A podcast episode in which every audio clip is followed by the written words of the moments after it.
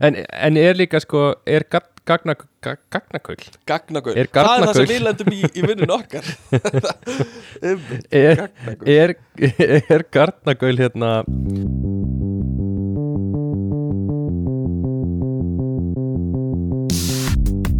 Halló er eitthvað að frétta? Já það er ekkert að frétta. Já það er ekkert að frétta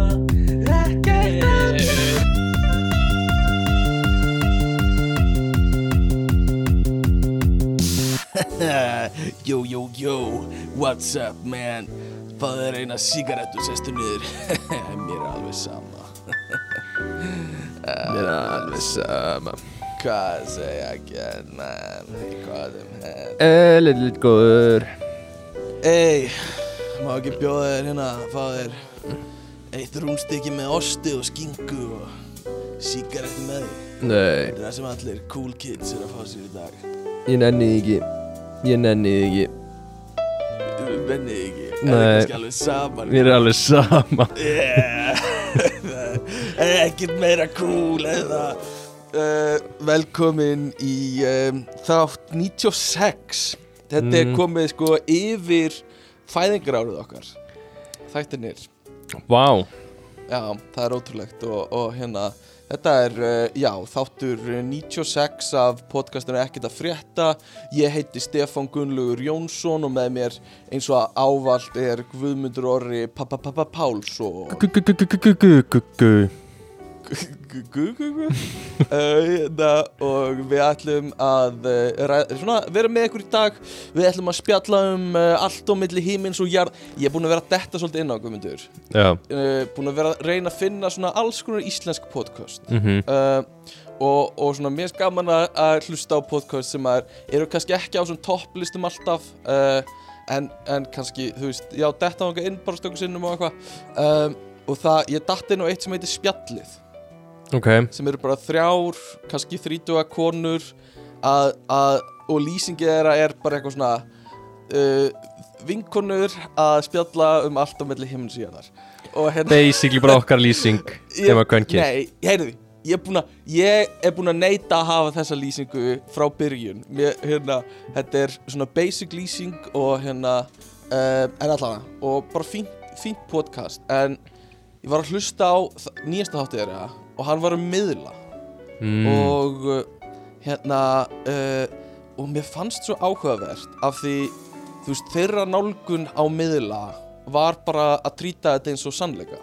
Skilur sem er Sem er bara allt öðruvísi einhvern veginn heldur en Ég myndi nálgast miðla. En Já, það voru bara Já, og svo, bara tala um þetta eins og lækna Skilur Og svo verður náttúrulega fært til miðil Til að láta, þú veist, tjekka á þér Eða eitthvað svona Og, og hérna, bara láta, þú veist, bara Og hann var að segja mig þetta og þetta, þetta Og auðvitað, þú veist Ég veit alveg að það er satt, eitthvað svona. Og hérna Já, það, en, en heldur var þetta svona, þú veist, þetta var þeirra skoðun samt. Þetta var ekki, skilur Þú voru ekki að setja sig í hlutverk hérna uh, setja sér í hlutverk? Eh, þetta Eða var bara Já, þær, þeim leið bara svona eða þú veist, þær bara fóru reglulega til miðla og allavega einhverja þeirra og eitthvað svona. Já, já, já að Því að mér styrkar, að það er líka áhugaður pæling sko að vera með þátt og setja sig alltaf í spór manneski sem er pró umræðið mm, Þannig að við tækjum bara flatt örð þátt og myndum tala eins og flatt örð gæjar. Já, það er bara, það er ágætt hugmynd sko og bara reyna nálgast það frá þeirra hérna, heimavelli. Það er bara fín hugmynd sko. En þú veist, Uh, bara nálgast það frá þeirra heimavelli eða þú veist, frá þeirra já, grundu já, já. og trýta það bara eins og hitt bara koma ekki til greina.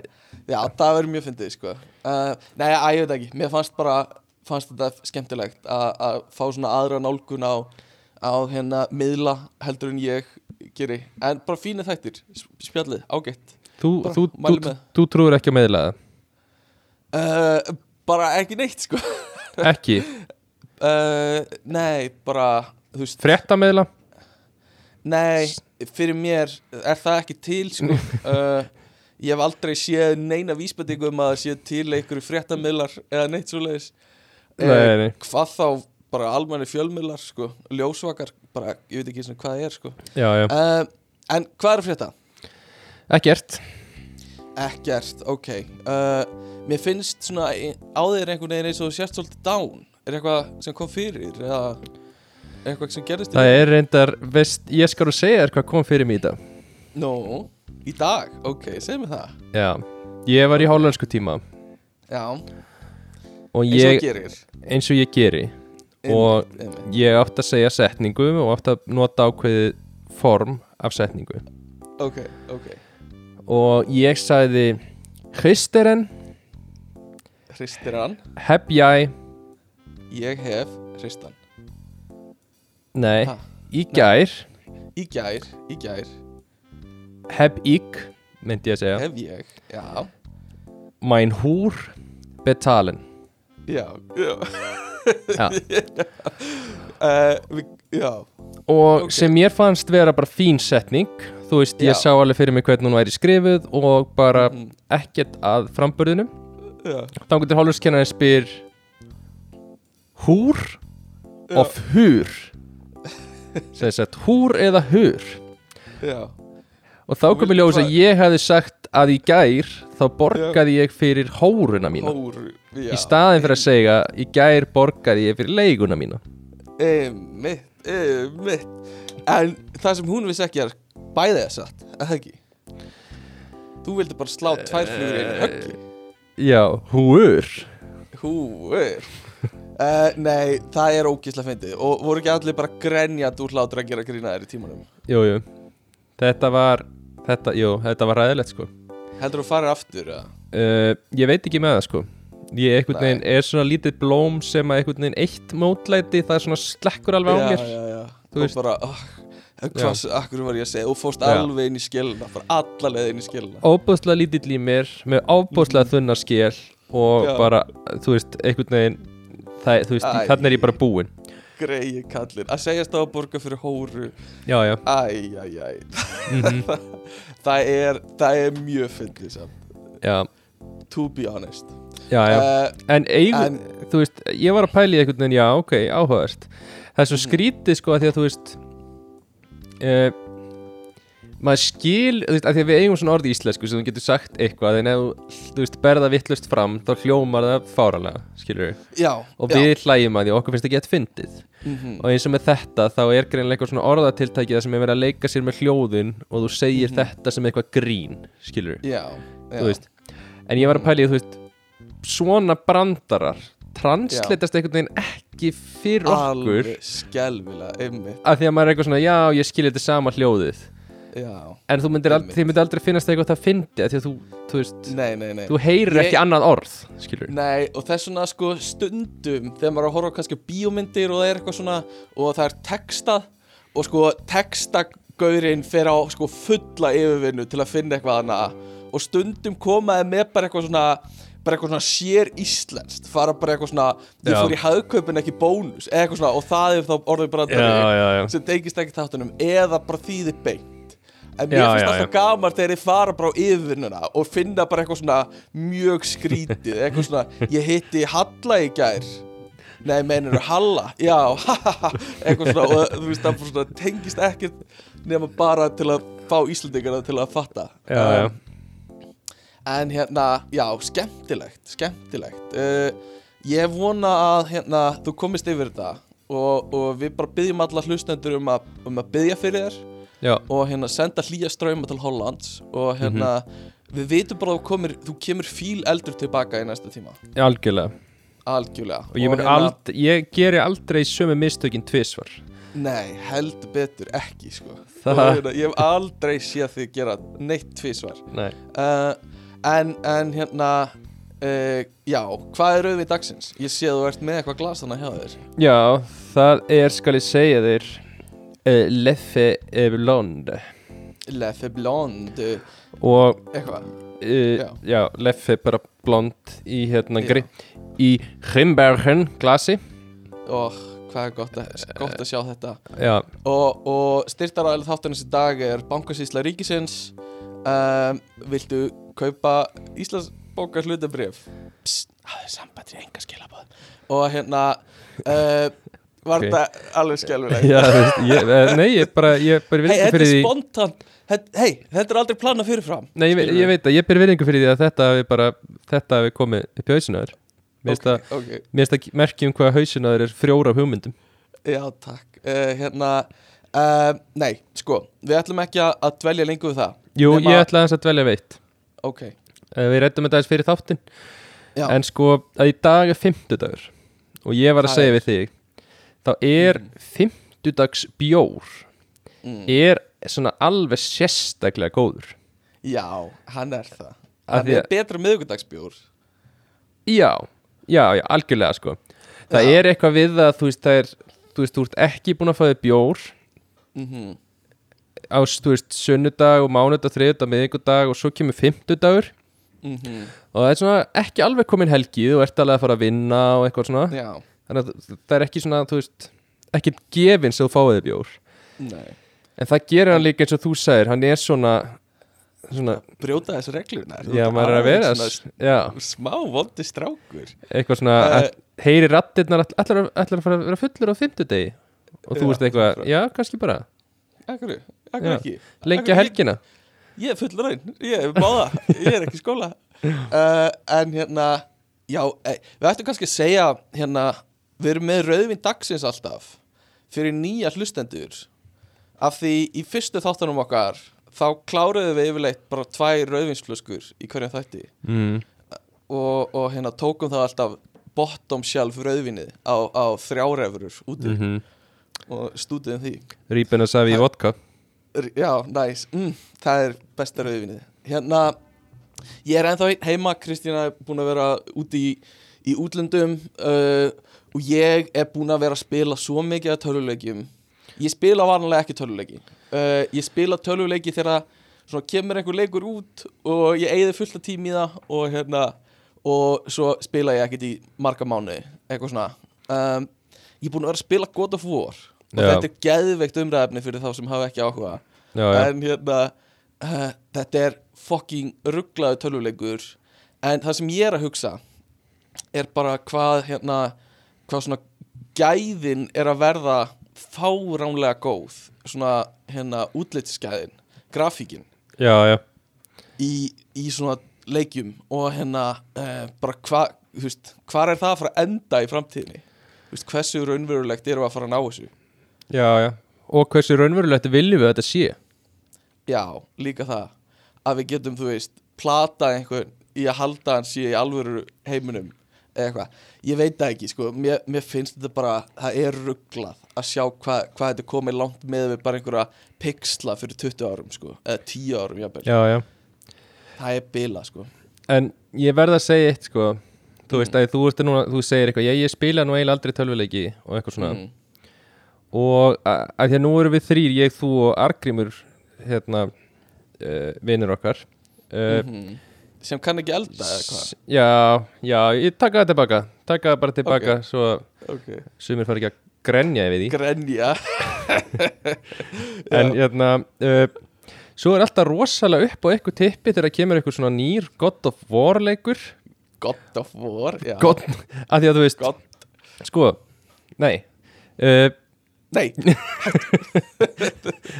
Sko því að máli er að af okkur þremur Þá Já. spila ég alveg langmest tölvuleiki já, alveg 100% já. Og alveg bara er mikil tölvuleiki áhuga maður Mm Svo þegar kemur einhver nýr God of War single player leikur Þú veist sem að kemur út bara á hverjum áratug Bara Já. einn leikur Mhm. Þá byrjaði bara svona að nýðast á mér Öður eitthvað svona.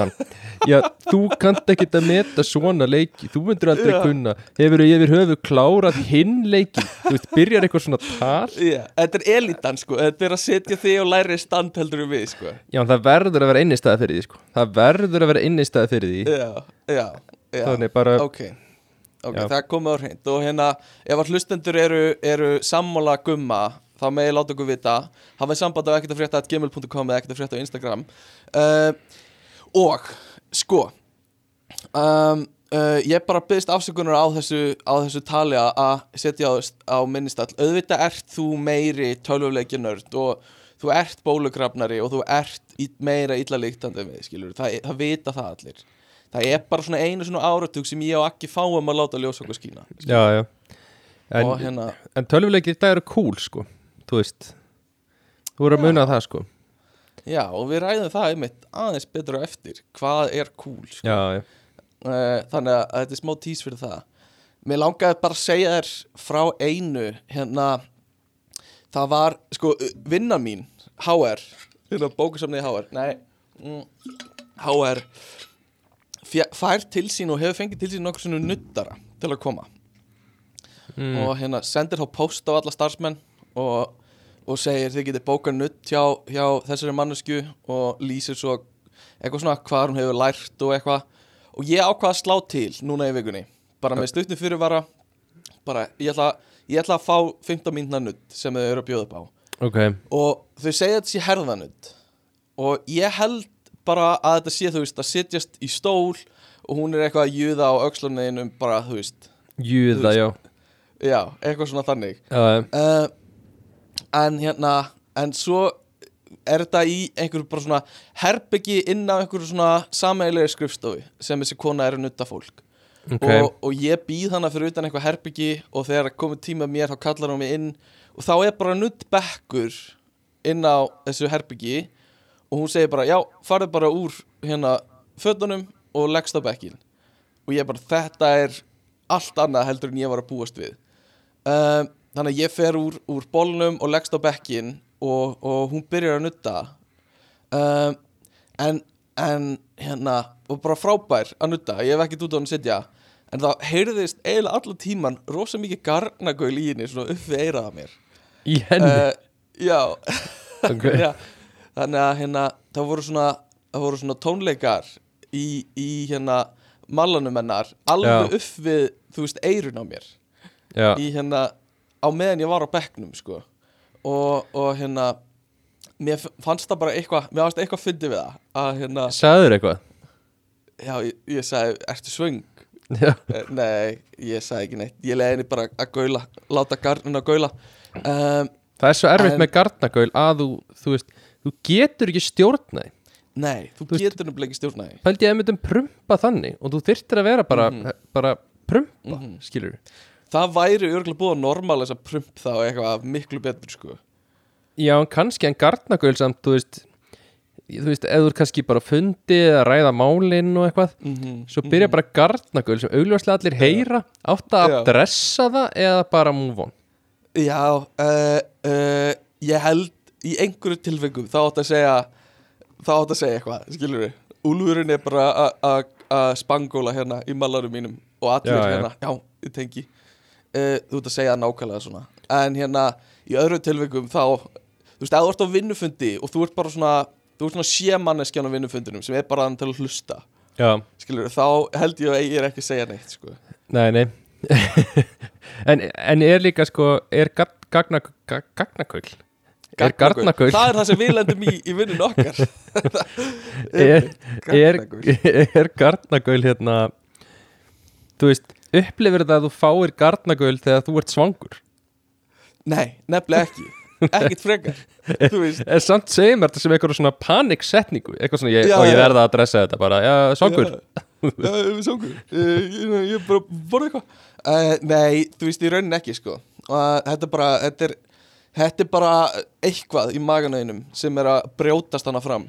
Já, já. um, En svo kom ég, þú veist, þegar nuttið er búið þá er maður svona eins og maður sé svolítið nývaknaður einhvern veginn og koma fram í svona sameigilegt skrifstofur í mig já, já, Se- og eitthvað svona hérna, með eitthvað svona næstu stýrur í augunum og eitthvað, það er alveg það er smá óþægilegt, allir svona horfa á þig já, já. það, var- já, var mjög fyndið. Það var ógæðslega fyndið.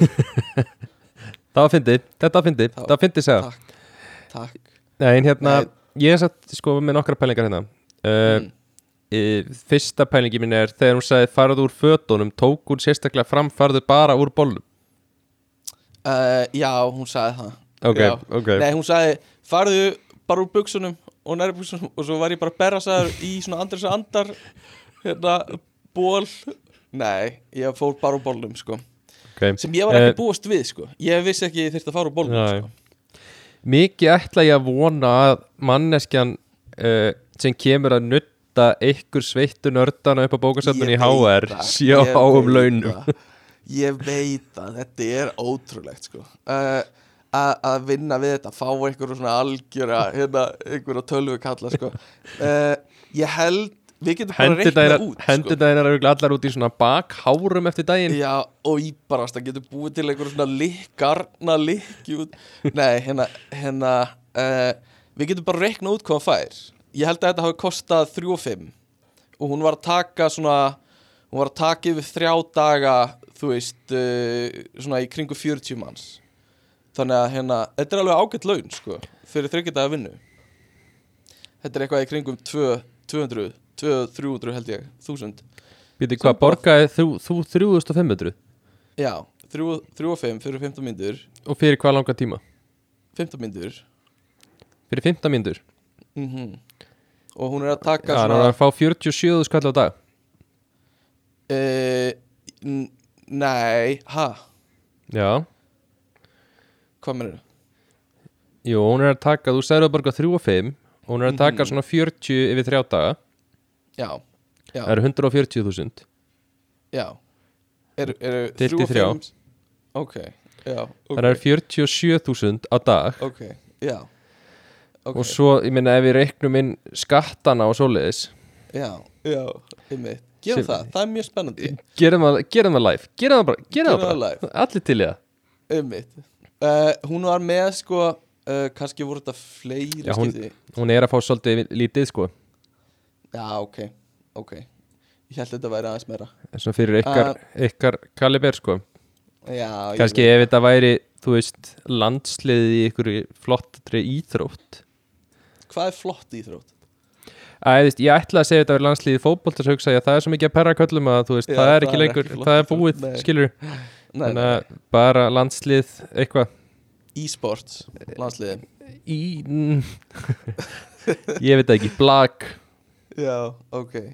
Uh, Nei, hérna, já uh, Þetta var mjög, mjög næs sko. Og mér, ég kann að meta þegar þegar hérna fyrirtæki uh, gera eitthvað svona. En það kom grein, sendi ég á þig greinina um daginn hérna uh, sem, sem byrtist sem er eitthvað svona eitthvað svona þrjár eða fjóra leiðir fyrir hérna fyrir uh, atvinnureiknendur til þess að til þess að gera eitthvað fyrir starfsmennina sína án þess að borga þið herri laun. Eða eitthvað svona vísir byrti Mm. grein ég með hérna. Þrennt sem virkar vel að bjóða starfsfólki annað en launahækkun sem mér finnst bara þetta er svo bíluð grein sko. Þetta er bara svona hvernig getur um sleppt því að borga meira? Og hérna uh, Mhm. bara svona bóðið um kaffi. Já, ymmit, höfum, höfum ógifis kaffi á kaffistofunni. Það var briljant hugmynd. Frýtt wifi. Eh, frýtt wifi. Þau, sín, þau segja hérna sínileg tækifæri til starfstróunar það er mikilvægt. Um, ok, allt í lagi. Uh, en það gefur ekkert í staði fyrir að borga mannsæmyndu laun sko. Uh, já, eða þetta kemur alveg í staðin fyrir ákveðin launamun. Ákveðin launamun? Já, á milli? Þú veist, þú tekur alveg á því læri laun ef að, ef að vöxturinn í starfi og sem professional er mjög góður. Ég, já, kannski. En Hvað þú veist- myndir þú bara vinna hjá bara reikningstofu bankana bara á umslæðvílinni fyrir fyrir þú veist, tvær miljónu mánuði? Uh, ég veit ekki að ég myndi alveg skoða en líka bara þú veist að, að ég veit ekki, mér finnst bara svo síðlust að leita uppi svona svona einhverjar alternativ leiðir til þess að í staðan fyrir bara að sætta sig við það að, að hérna, þú veist, fólk er þarna til að vinna og, og hérna fá góð laun, skilur að Já. miklu leiti uh, Ég er svona ekki alveg sammála þessu, sko. ok, ok en að þú ert alveg á þessu að, að hérna, að í staðan fyrir að veist, bara geta búið hærri laun þá finnst þið betra að hafa eitthvað svona poolborð og eitthvað svona og rækt og eitthvað Já, ég myndi segja að þetta, þetta skiptir allt máli, sko. Þú ert að eigða 8 klukkutíma á dag, sko. mm Ég myndi ekki nynna að vinna fyrir 2 miljónur á mánuði í einhverju sem ég veist drefleðilegt, sko. nei, nei, nei, nei, ok, já, það er alveg, alveg pæling sko um, en svo segja þið líka hérna heilsuefling, líkamlega andleg og almenn velíðan en þú veist, það sem ég er að pæla í þessu er líka, þú veist er þetta ekki bara eitthvað sem er að koma líka þú veist, ekki í staðinn fyrir að borga Jú, algjörlega, sko. þú veist, ekki bara eitthvað svona annarkvort eða Jú, jú. og þriðja sem að segja er sko einlægt samband við allt starfsfólk þannig að þú veist vertu vinnu þeirra og þá þarftu ekki að borga eða góð laun Já, já. þú veist, allt, þetta eru allt góði punktar en svona uh, þetta er bara eitthvað sem ætti að vera til staðar og svo kemur, þú veist, hitt. Þetta Æ- átti ekki að vera, þú getur gert þetta í staði fyrir að borga þeim laun. Já, ég held líka sko að það sé mikilvægt að uh, að að það er þú veist, ákveðin punktur í launum.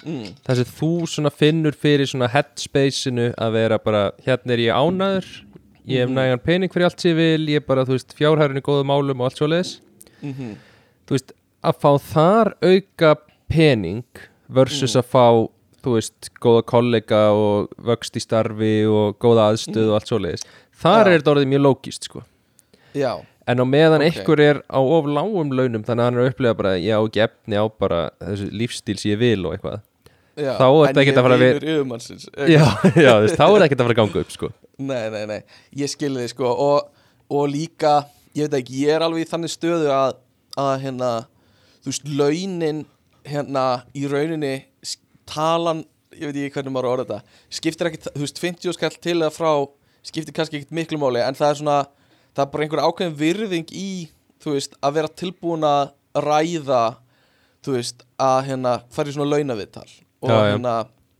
þú veist, og, og ef þið samþykja þá er það svona á, að sína að þú ert að standa þig vel í starfi. Það er svona ákveðin virðing í því.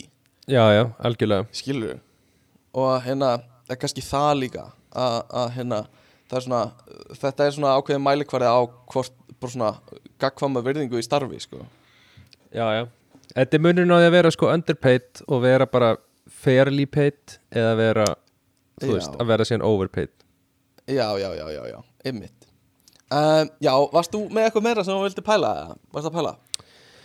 uh, Já, ég er núna að reynda með eitt sko Ná, ná, ég er alveg að pæla eitt, sko Ég hérna uh, Ég komst í kynni við gæja sem eru hérna að vinna í Web3 project Já, áhugavert Viltu segja okkur hvað Web3 er fyrir fólki sem, sem er kannski alveg nóg vilin í? Já, Web3 er svona sem sagt uh, Þetta er í rauninni uh, Web 1 var þannig að Mhm. interneti virkaði þannig að allt voru bara svona síður það var ekki svona interactivity þetta voru bara svona eins og bækur á netinu. Þú veist, opnaði eitthvað slóð og lesið skrá. Og þú veist, það var eina sem interneti gerði. Mhm. svo kemur Web 2 og það er eiginlega það sem við erum að nota núna sem bara interneti bara virka þannig að bara við getum sendt inn form og sendum gögn tilbaka skoðum Mhm. gögn og eitthvað svona interactivity gameslog gögnum og alls konar svo Mhm. en ennþá svona centralized kerfi að Já, því leiti þannig að, að þetta fer allt í gegnum einhverja servera hjá, veist, Já. Google og allt, allt þetta er San Francisco og eitthvað. Mhm. og svo er Web3 er semst í pælingin að byggja internetið ofan á blockchain. Já, ymmit uh, já, Ymmit það er bara, bara- all, allt sem er gert á internetinu verði bara Já. geimt í blockchain kuppum inn, Já. inn í keðjunni Já, og þetta er, hérna, þetta er svona að taka út þessa svona miðju, einhver svona servera miðju sem er svona central og decentralisaða yfir í svona, út, svona dreifa því svolítið út um allt og gera svona, ja- jafna það svolítið út. Já. Já, um, spennandi. og núna er þetta svolítið svona köld þetta er Já, svolítið þetta svona er svolítið þannig. underground svona örgulega Mhm. alveg flott tækni skilur þú veist, það getur bara vel verið að þetta verið framtíðin á internetinu og allt svo leiðis Mhm. á eftir að leysa fullt af vandamálum en þú veist þetta er samt rosa köld, bara eins og interneti var í upphafi, skilur, Já, þetta já, var bara svona einhverjir fáir nördar sem skildu og voru með. Já, já, einmitt. og þannig ég komst í kynni við manneskjur sem er að vinna og eru með fyrirtæki í þessum hérna, Web3 heimi. Já, einmitt. Þetta er smá Og- svona stimpill líka, svona eins og AI eða VR. já, já, svona Web3 þetta er svona Já, smá svona hype stimpill einhvern veginn, þið eruð öll í Web2 ég er í Mhm. Web3 ég er, ég er í Web3 eitthvað svona. Já. En ég er sem sagt svona, það er pælingin ég sé að fara að vinna með þeim að sem sagt svona gagna warehousing fyrir Web3 software. Ok. Hvernig að, kemstu í kynni við allt þetta fólk? Þú ert með puttana þeina allstar. Uh, já, þetta var nú í, í gegnum bara vin minn sem að flutti sko til Bali. Já, ok, ymmið Ég man eftir honum. Já, og hann síðan á Bali, þú veist, það kemur ekki á orst á Bali býr þetta fólk, skilur Já, já, já, það er bara Það er eitthvað á ströndinni ykkur Já. Já, eitthvað svona Já, eitthvað svona krypto, bitcoin Nei, hérna, Mhm. blockchain dæmi, sko. Þetta er svo nördalegt, sko. Þetta er bara alveg toppurinn, sko. Já, Já, þannig að það var eiginlega það sem ég vildi koma að, sko. Að ég þá Mhm. fari í svona data warehousing verkefni sem er byggt Já. ofan á blockchain. Já. Þú veist, mér finnst það ógeðslega cool. Ég veit ekki hversu mikið að hlustendum eru bara eitthvað Já, já, einmitt, eitthvað svona Er ekki alveg að tengja. Nei, Uh, en já Mér finnst eiginlega aðalega sko Akkur mér finnst svona Mér finnst fyndið að tala um þetta Er að því að þetta er Já. svo svona Ég veit, þú veist, mér líður eins og ég sé einhvern veginn að fá að vera inn í Þú veist, mér langar svo að vera bara Mm. með mikrofón og vera að fluga á vegg Eitthvað bara svona Mhm. vita, þú veist mm Þetta Já. köld, skil, mér líður eins og ég sé svona að koma inn í vísitakirkjuna Eitthvað svona Já, já, veist, já, já Eitthvað svona hópur og fólki að trúa Eitthvað svona framtíðarpælingu, þú veist Og þetta er eitthvað Og svona bara, já, Þetta mun bylta heiminum. Þetta Já. verður umbreyting Eitthvað svona Við erum á framlínunni Í Já, að já. bylta heiminum í næsta skref. Já, já. Við erum uh, Við erum hérna Horsemen of the Apocalypse Fyrir hérna Eitthvað svona. Já, já, þetta er svona eins og kryptogaurin í hérna Þetta er svona kryptogaurin 2000 og þú veist hvað, þrjú fjögur eða eitthvað Já, uh, 2000 og, og kannski 11 Þegar hann var að kaupa bitcoinin Já, já, og það er eitthvað, já, þú veist, þegar Aurora coin kemur út Þetta er svona já, það Já, einmitt, einmitt. og allir er eitthvað svona, ó, ok, já, fínt. Já, eða þú veist, áhört, skil ekki neitt þú veist, fara eitthvað annað. Og svo svona, þú veist, 2021 verður hann bara, er, já, ég er enda miljónum með einhver núna, skilur Já, einmitt, en þú veist, það er einmitt. samt alveg 11 ára á því að vera bara einhver, þú veist, bara gæis bara Mhm. svona gæi sem er að trúa samsnæriskenningar skilur, sko konvinst um einhvern sannleika sem bara er ekki raunveruleiki. Já, svo færðu svona moment of fame þegar allt fer upp já og svo deyrðu Einmitt, þetta er, já, þetta er mjög áhugavert og þetta er líka þetta er, e- e- ef ég skildi rétt þá verður þetta svolítið eins og sko að geima gögnin sín þarna eins og að, get, að geima gögnin í torrent, að geta torrenta gögn skilur þá ertu bara þá eru gögnin bara út um allt í heiminum já, veginn og þú sækir þau bara frá einhverjum, veist, allstaðar að. Þannig að þetta er, þetta er gömultækni en mjög sniðug, sko. Og hérna uh, uh, er mjög spennandi að sjá hvað hva kemur, sko. Til að ekki með þetta. Uh, já takk sko. Það sem ég vildi líka segja er sko það sem mjög áhört við þessa tækni mm. er að hún eiginlega byggir því að þú getur ekki lengur monetæsað gögn þú veist þess að Google, Mm.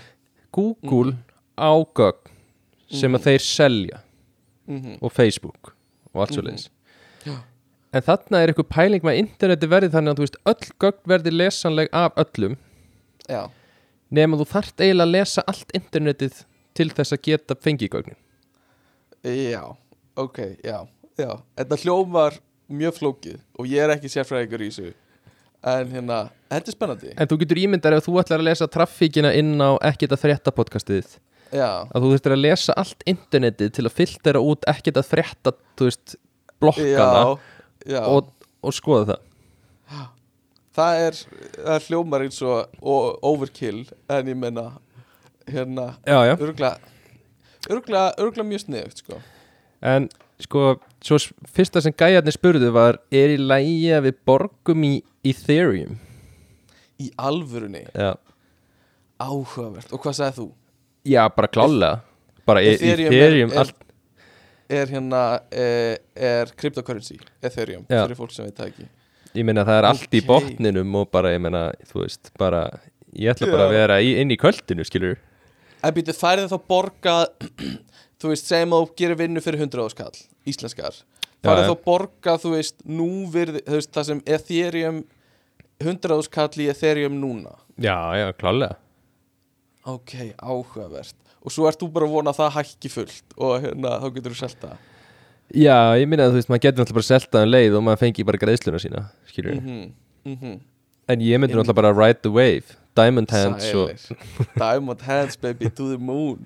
Emmitt Ok, Já. vá hvað það er fyndið Og hérna, já, ok Þannig að ertu byrjar að vinna í þessu uh, nei, ég er ekki alveg búin að þú veist, koma eitt á þetta sko ok, ok okay. Mér finnst þetta bara, eða, þú veist, mér, svona helsta motivationið Já. er ekki sé eitthvað, ó já ég þarf að fá hérna þennan pening og, og Mhm. eitthvað Mhm. er bara, mér, svo, mér langar svo að stíga inn í þessa veröld og Já. bara svona aðeins bara, bara svona skilja Algjörlega. aðeins sko, og bara svona vita Þetta er ymmit Þetta er alveg hulin heimur fyrir mér sko já, Ég, ég bara Það er mjög spennandi að skoða þetta. Og hérna, ég skil það vel sko. kannski er eitthvað svona ritual skilur þú hvað er það að gera á Bali, þú veist, ef er að fórna dýrum eða eitthvað svona er ekki, Já, þetta hljómar svolítið eins og, eins og eitthvað svona algjört kvöld sko. já, eru þið með sína eigin eitthvað svona netlínu eða eitthvað, Já einmitt. sæstreng bara fyrir Já, þá pottþétt. og bara eitthvað, Beinti Bali. Já.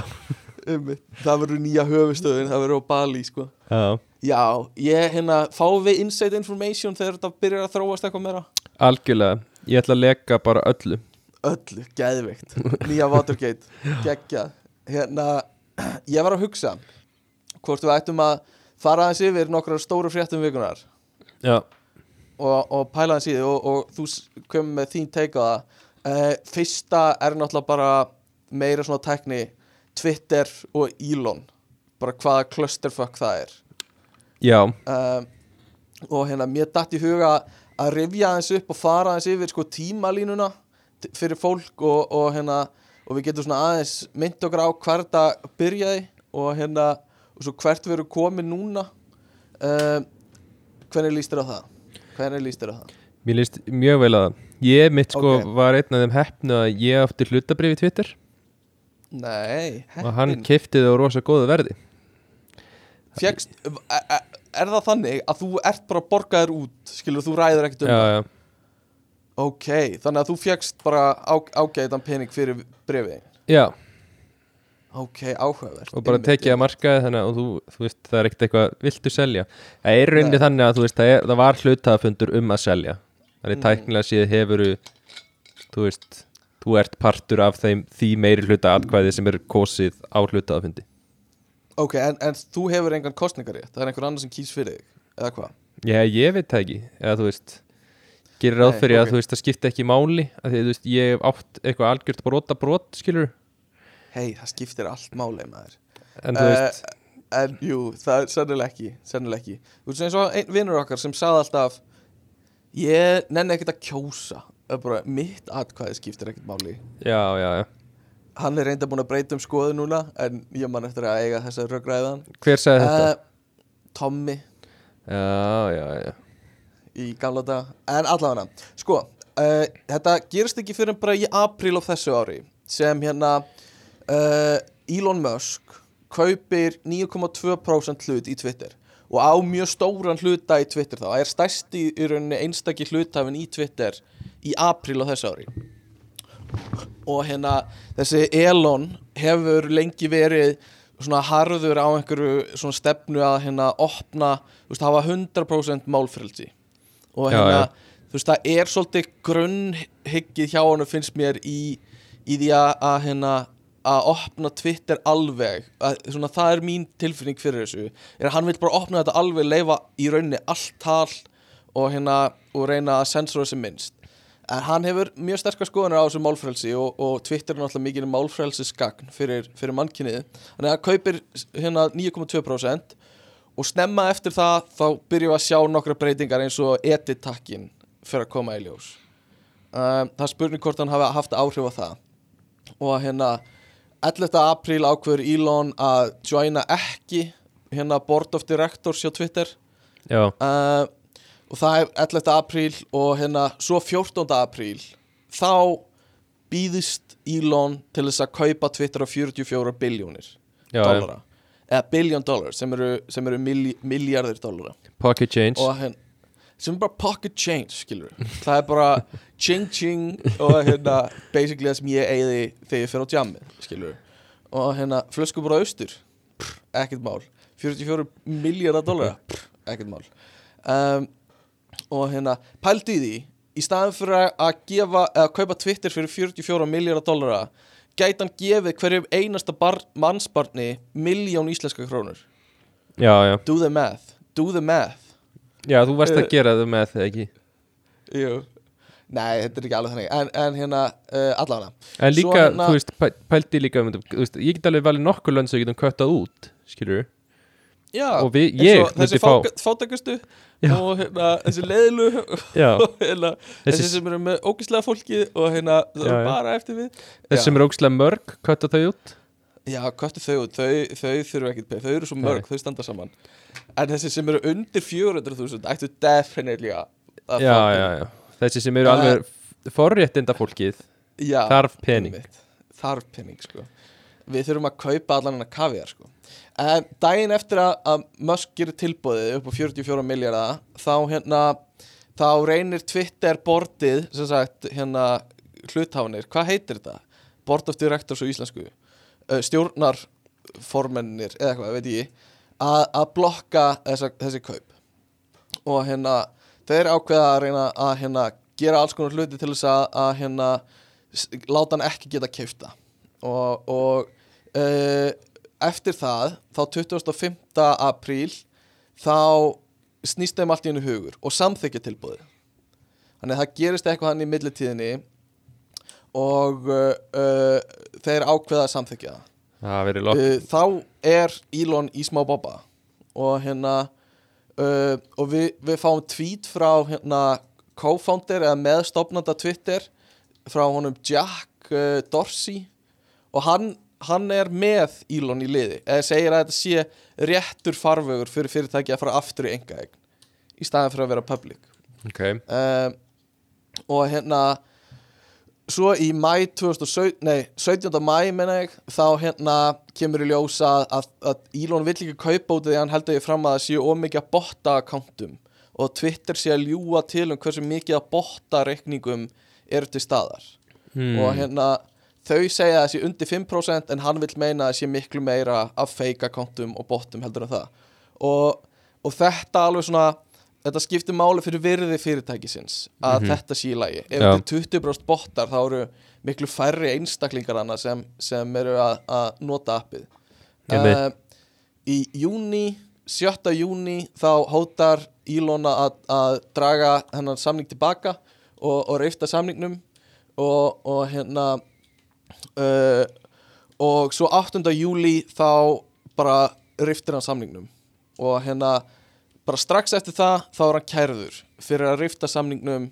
sem var í rauninni einhvern, einhvers konar bindandi. Mm og hérna þá fer allt í háaloft og þá kemur mál út af því og, og hérna og uh, uh, já það fer hérna þú veist við ferum að sjá að, að það eru alls konar upplýsingar sem Elon vill kannski ekki að komi út sem verða ofinbyrðar í þessu máli og eitthvað svona þannig að Elon er í svolítið Já, og uh, málið var átt að byrja í oktober og hérna uh, svo 4. oktober bara svona rétt áður en að það fór átt allt að fara í gang þá bara ákveður Elon að kaupa fyr- fyrirtæki fyrir 44 miljardar en á þessum tíma hafði hlutabrifin lækkað ráðslega mikið þannig að þetta er bara ákveðin sigur fyrir hlutafa eins og þig mm. er það ekki? jú leiðir ekki svolítið eins og sigur vera Jú, ég náttúrulega bara spáði fyrir um þetta allt saman sko. mm og, og þú vissir þetta allan tíman Já, já, varst ákveðin trúnar maður innan fyrirtækisins já, já, algjörlega sem hluthafi sko. og uh, svo 27. oktober þá lappar Elon inn í Twitter höfustöðunar með vask í hendinni og segir let that sink in uh, hvernig fannst þetta grín? fannst þetta hitta vel? fannst þetta gott grín? uh, Nei, mér fannst þetta svona, þetta var svona eitthvað, þú veist, þetta var eitthvað svona ofhallarslegt, sko Mm þetta var svolítið hattarislegt þetta var svolítið svona uh, miðaldra, uh, ekki alveg cool Nei, nei. hérna, svona smá og, já, ekki alveg ekki alveg nú hot, hann er sko. bara svo mikill lúði hann er svolítið lúði það gleymist ofta að þetta er bara einhver, einhver lúði sko. Já, já, og hann er ekkert svona klár hann er bara hann hefur veist, hitt á, á góða markasetningu og, og hérna og tala, hann kemur fyrir viðtölum og, og lítur út fyrir að vera klár sko. Já, já um, og hérna uh, uh, og svo 30. og oktober og 1. november þá kemur fram þetta hérna uh, verification fee þannig að hann ákveður að, að láta bláa checkmarki kosta 8 dólar á mánuði og þá farið blátt checkmark sem er bara bíluð hugmynd þú veist þetta er eina hérna þetta er sko hvað segir maður, tilgangur þessa merkis er að þú vitir hver er bak við það Sko ég var að hugsa með þetta já, Ég hugsa, ok, hann fær alveg massíft cashflow inn í fyrirtækið mm með því að skera þetta. Já að að- hann fær cashflow.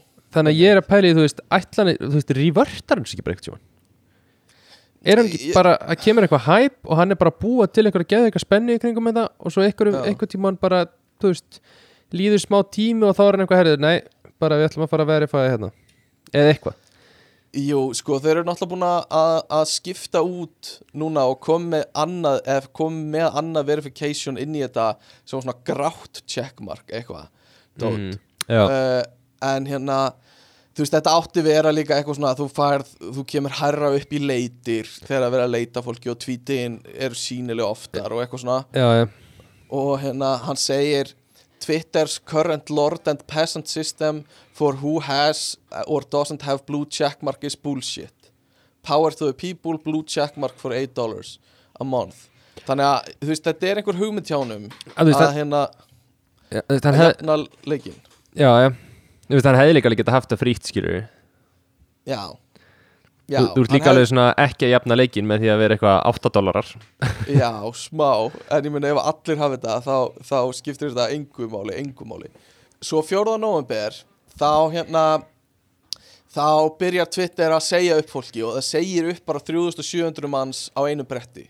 Já, og strax eftir það uh, er byrjað að kæra Twitter semst, fyrirverandi starfsmenn. Uh, fyrir bara svona bara ekki, já, wrongful termination bara mm, meikar ekki sens uh, og hérna á, á svipuðum tíma þá eru hérna uh, auglisendur á Twitter að bakka út. Þetta eru risastór fyrirtæki svo Volkswagen, Pfizer General Mills, þetta eru svona huge fyrirtæki sem eru að koma með miklar auglisengatekjur inn, það er ákveða að hætta auglisa á Twitter, þannig að Twitter verður af rosa miklum penningum ég, ég, hérna, ein, ég meina einu spurningu þarna. Ég skil ekki alveg, sko, veist, hvernig var auglýst á Twitter áður?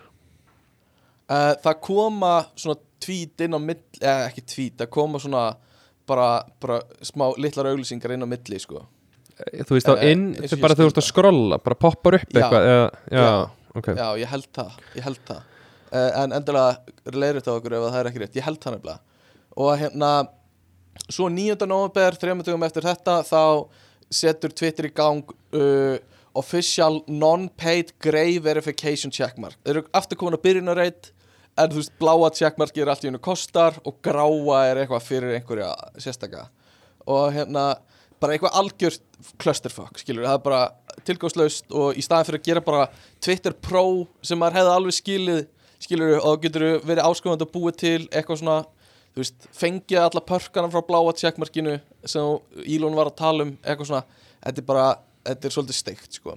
Og hérna og á, á, meðan þetta allt er í gangi þá er fólk að búa til fullt af fake accountum fyrir fólk Einmitt. og þú veist, maður er að sjá þú veist, fake account fyrir George Bush sem er að segja eitthvað svona I miss killing Iraqis og eitthvað svona sem eru með checkmarkið þannig að það lítur út eins og þetta sé ekta. Já, og fyrirtæki eitthvað svona stór fyrirtæki eins og ég veit ekki, eitthvað svona livja fyrirtæki og eitthvað. Pfizer.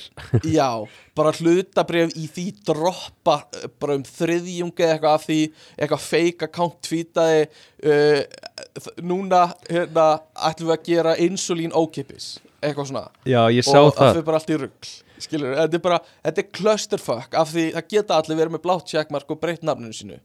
Og hérna, svo var mjög fyndi Doja Cat uh, sem er söngkona, hún var með ég sá eitthvað frá henni, þannig að hún hét Christmas og tweetaði og takkaði Elon og sagði eitthvað svona Elon, ég get ekki breytt nafninu mínu, mér lágar ekki að heita Christmas að eilífu.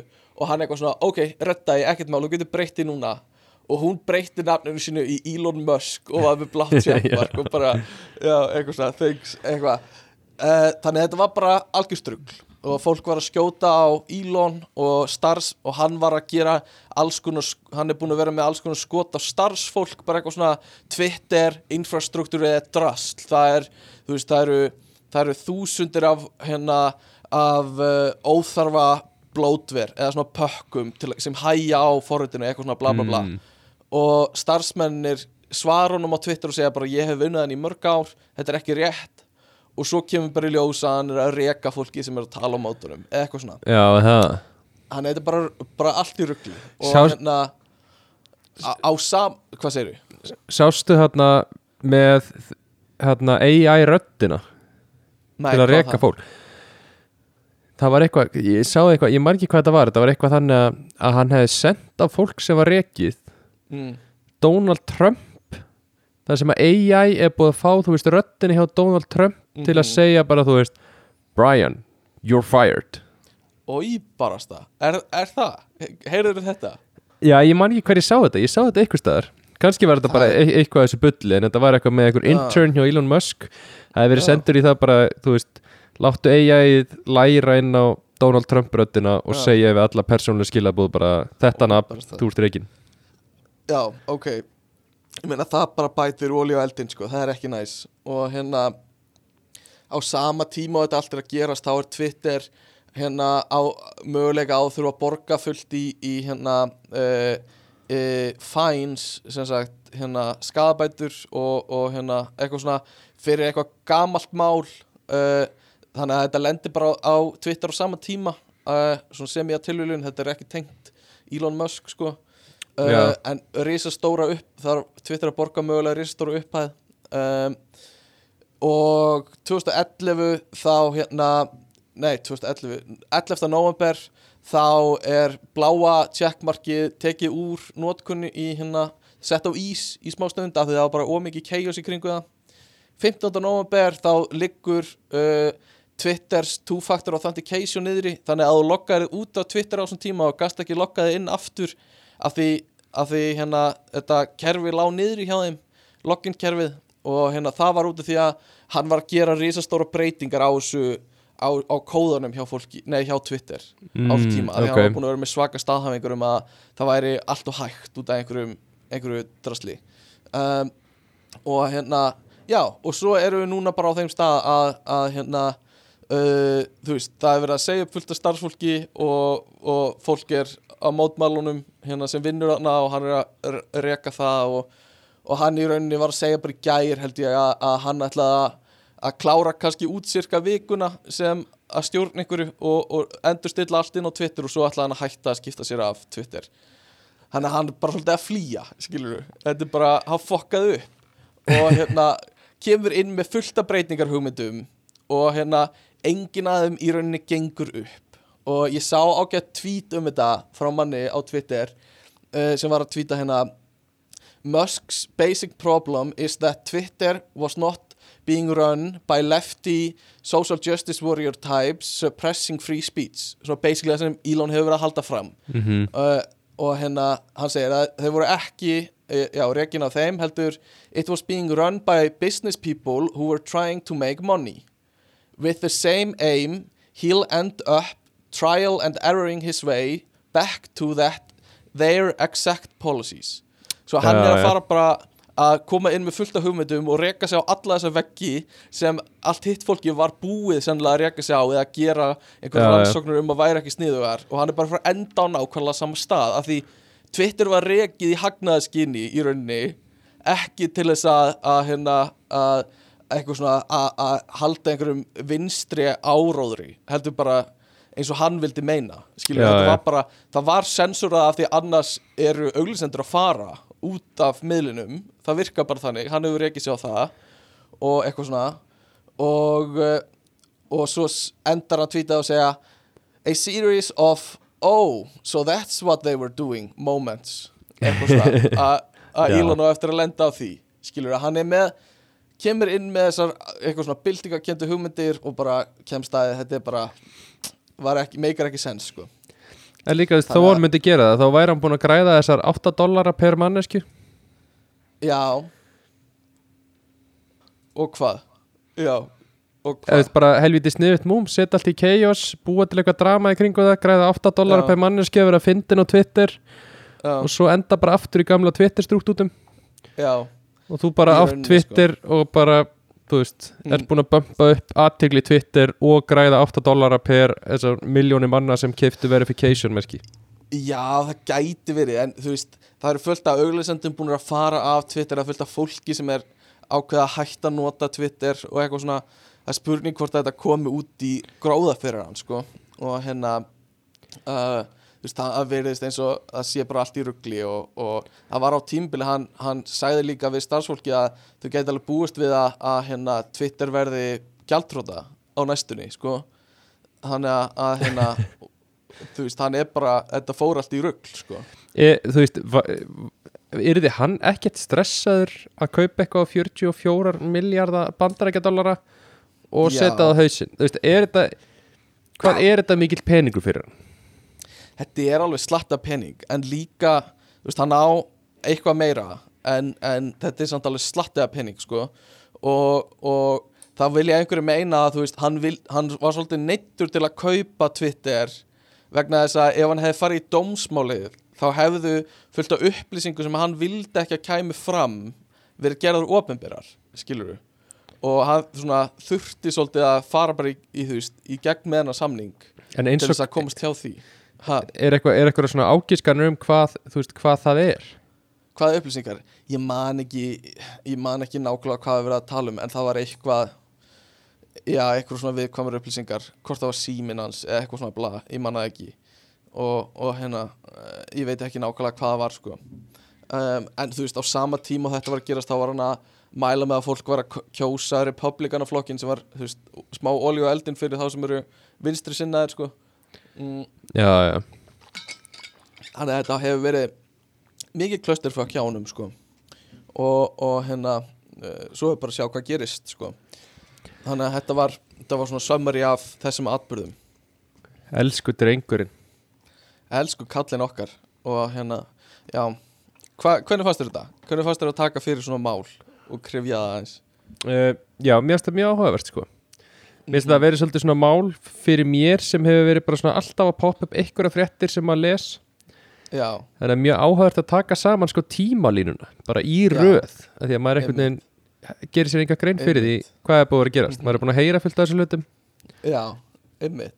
Já, og hérna uh, já, En- og þetta kemur svo onni í náttúrulega hérna þingkostningarnir í bandaríkjunum sem voru, fóru fram í síðustu viku og hérna uh, þar sem demokrata komið betur út en áhorðist og svo var Trump að, að segja náttúrulega að bjóða sér fram líka á sama tíma. Já, það er heilt annar pakki sem við kannski nennum ekki alveg að dýfa okkur í.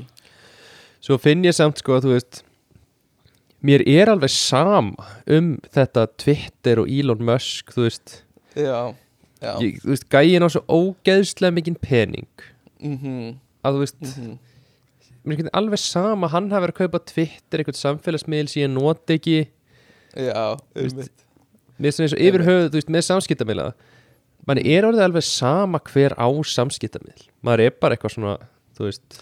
Já, einmitt, einmitt. Þú veist, það er allir þessi Þetta- gauðra siðlusir bara Mark Zuckerberg, Elon Musk Já, Jeff Bezos, allir sem eiga þessi stóru fyrirtæki. Allir orðin svo siðlusir eitthvað maður er bara hættir en hann að pæla í því það er svolítið þannig sko. Og hérna, þú veist, þetta mál var látið líta út svolítið eins og hann væri eða hann vildi láta það líta út eins og hann væri barndumæður fyrir málfrelsi með þessu öllu. Hann var svo ósamála að vera að banna fólk að Twitter og hérna eins og Trump og Kanye og eitthvað svona að hann vildi bara leifa fólki að að þú veist vera á Twitter og og tvíta bara rugglinu sínu, skilur já, já, En- svo og fyrst þú veist ætla að koma upp einhverju svona einhverju svona hérna mál hérna rítskoðuna nefnd eða einhverju bla og, og svo veit maður ekkert hvernig það fer sko en það er líka bara, þú veist, með hvað hann á ógeðslega mikið pening mm. þá er mann eitthvað svona, mér langar ekki að taka þátt í, þú veist að ég segi það tímanum mínum í að pæla í því hva, hvers, á hversu marga miljardar bandarækja dólara Elon Musk ætli að kaupa fyrirtækið Mm. Og þú veist, hvort að hann setið á hausin og hvað hva þetta er stór partur af peningum hans og allt svo leiðis Mm -hmm. þetta er eitthvað svona smá sorglegt þegar maður er sjálfur að pæla í þessu og þetta er bara upphæð sem bara svona, þú veist, já, bara eins og þú varst að tala um bara allir í heiminum að fá miljón íslenskar, skilur já, einmitt. Hérna, já, þetta er kannski alveg það en jú, þetta er þetta er náttúrulega bara uppæði sem maður skilur ekki sko og þetta er eitthvað sem er alltaf sagt, þú veist þetta er bara of mikið til þess að ná átt að segja á sko en að vera er involveraður í þetta er eitthvað svo, þú veist þetta er svona eins og með frækt fólk, skilur mm. þú veist, eða bara fyrir allt fólki sem situr heima bara og þú bara þú veist, átt ekki efna á Mhm. sjampói skilur, eða þetta pæli hvað sjampó kostar út í búð. Já, og vera síðan á netur og lesa fréttir og það eitthvað ríkasti gaur í heimi sé að kaupa eitthvað fyrirtæki á þessa upphæð. Já, einmitt Já, það er bara, þú veist, þetta er allt annar heimur, sko. Þetta er einhvern veginn, þetta er ekki samur raunveruleiki um að vinnur, uh, býr í, sko. Um, Ég veit ekki, mér, þetta er bara, ég veit ekki, þetta er á, svona smá spennandi að sjá hvernig þetta þróast. Uh, Mér finnst hann hafa, þetta var algjör mistök hjá honum, uh, persónulega. Uh, Kannski allt í lagi að hafa Twitter ekki á opnum markaði. Þú veist, það er auðveldar að koma með einhverju stefnur. En svo er það líka hættulegt, skilur hann hefur náttúrulega 100% valdana inni og, og það er spurning hvað það þýðir. En Já. allavega, eigum að segja þetta gott á þessu plani? Já, já, Ok, um, sko Hvað þýðir að vera cool fyrir þér? þetta er eitthvað svo mikil uppeyja eftir að vera búin að vera er bara. Ég kom með nóg sko að þessu á Ílon Ég nenni ekki, ég líka voru þurr í munninum eftir að vera með fyrirlestur sko. Já Einræða Stefáns, það er nú ekkert nýtt í þessum þetta ah, Já, ég hata Ég hata Stefán. Ég elska Stefán. En við ætlum að tala um allt sem er cool. Já, Og hérna, ok, byrjum annars staðar. En myndur þú segja að þú veri cool? uh, nei Myndur þú segja að þú hafur einhvern tímann verið cool? uh, Nei, ég hef aldrei verið cool sko Akkur er lætur þú svona? Akkur ertu að berja þér svona mikið niður? Nei, ég hef aldrei verið cool sko Hefur aldrei verið cool? Eða þú veist, ég, ég svona get alveg Ég kannski svona Jú, ég, veist, ég get alveg verið cool í einhverju svona kannski einhverju níshóp Mm.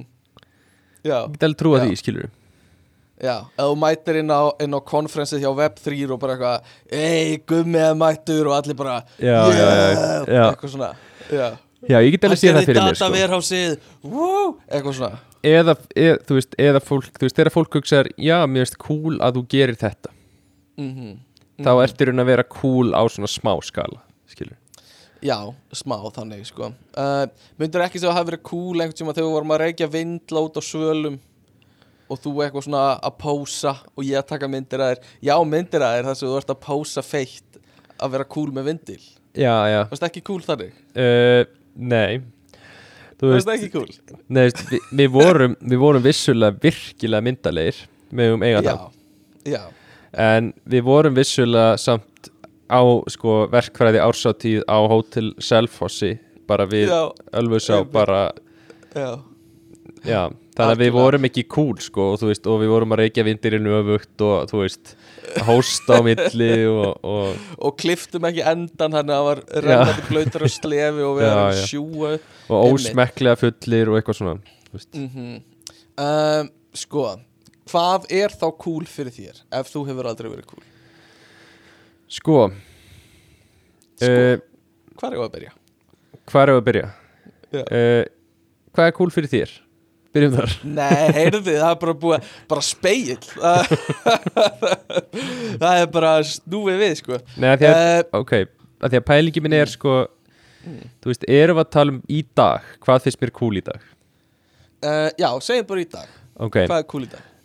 að því í dag finnst mér ótrúlega það sem mér finnst mest cool er svona hei svona einlægur þú- manneskja ef þú hefur einlægan áhuga á einhverju Ok, þá finnst mér það cool. Þú ert svolítið að lýsa nörda. Já, já, Þetta er svona sömu orðum að nota til að lýsa nörda. Já þú veist, alveg smá en mér finnst bara svona það er úkslega cool að hafa svona hobby og eitthvað og hafa bara svona mm. einlægan áhuga á því og vera alveg opinn með það og vera Mhm. ekkert þú veist, Mhm. ekkert að fela það eða einhvern veginn finnast þú þurfa að rökræða það eða eitthvað svo leis Mhm, mhm. Ok, mér finnst það cool. Ok, ok. Uh, Ok, ég skil það. Og þetta er eitthvað svona hérna, þetta er eitthvað svona vibe þú gerir bara það sem þú vilt gera og lætur ekki aðra já, lætur ekki skoðanir aðra hafa á, annar hafa áhrif að þau Ok, ég meina það er bara það er mjög valið svar sko. En getur nefnt mér einhver dæmi um þú veist, er Elon cool fyrir að hafa áhuga á uh, uh, málfrölsi og kaupa Twitter? Nei, því, þú veist, ég held þetta sé nei, þú veist, nei, nei. Elon, nei, nei. Nei, nei En ég held þetta sé svona Æ, Ég veit ekki, þú veist, bara einhvern veginn að hafa Þú veist, að vera ekki Hafa áhuga á ykkur, vera ekkert defensi með það Og ekkert breyta einhvern veginn. Mm. Þetta er svona eins og að Mhm. fara í partí Já, Með einhverju fólki sem eru allir bara frægi leikarar Og, mhm, og allir svona töffarar Og eða, þú veist, fólk sem bara elskar að fyrir rektir Að líta gett vel út, hugsa um útlitið og mhm. mæti partíð og byrja að segja öllum hvað þér finnst svo gaman við D&D's bara Já. kampeinið sem ert að fara í gegnum. Já, við þekkjum nú einn svoleiðis, hann er mjög cool. Um, Ok, ég skil hvað það meinar En hérna, þú veist, er þetta þá Væri ég meira cool Ef að ég myndi ekki skammast mín fyrir að vera með podcast Þegar ég er að tala við fólk? Já, mm Og fara bara alltaf að ræða það Eða starta þeirri umræði og svo oft Nefnst, Skilur, ekki, er það cool? ekki fara alltaf að ræða en, en svona skilur þú veist, Ef ég er í herbyggi með cool leikurum sem eru rosa töff og og ég kem blessaður Herra, ég var með að taka upp podcast áttundaginn já, Þú veist, að myndi starta því. Er það cool? já. Eða, þú veist, Ok, að starta því, Ok. þetta er svona, já. Mm. þetta er einhver þunn lín á milli sko. þú finnur Já, það í tilfinningunni á fólki hvenar er að segja frá áhamólinu Mm og þú bara gætir í alvörunni sagt þeim að þetta væri asnalegt og ömulegt og glötu hugmynd -hmm. Og fólki myndi ekkit finna fyrir því væri alveg svona einlægt alveg sama. Einmitt. Ok, mér, mér finnst það hljóma líka svolítið eins og einhver svona eitthvað sjálfsöryggi sem er, sem er við þetta. Þetta er sjálfsöryggi sko. Og Já. mér finnst þetta svona alveg besta sjálfsöryggi. Þú getur líka verið með sjálfsöryggi en samt einhvern veginn ertu Mhm. líka svolítið að reyna bara fitt inn í þú veist, fitt inn í hjá öllum sko.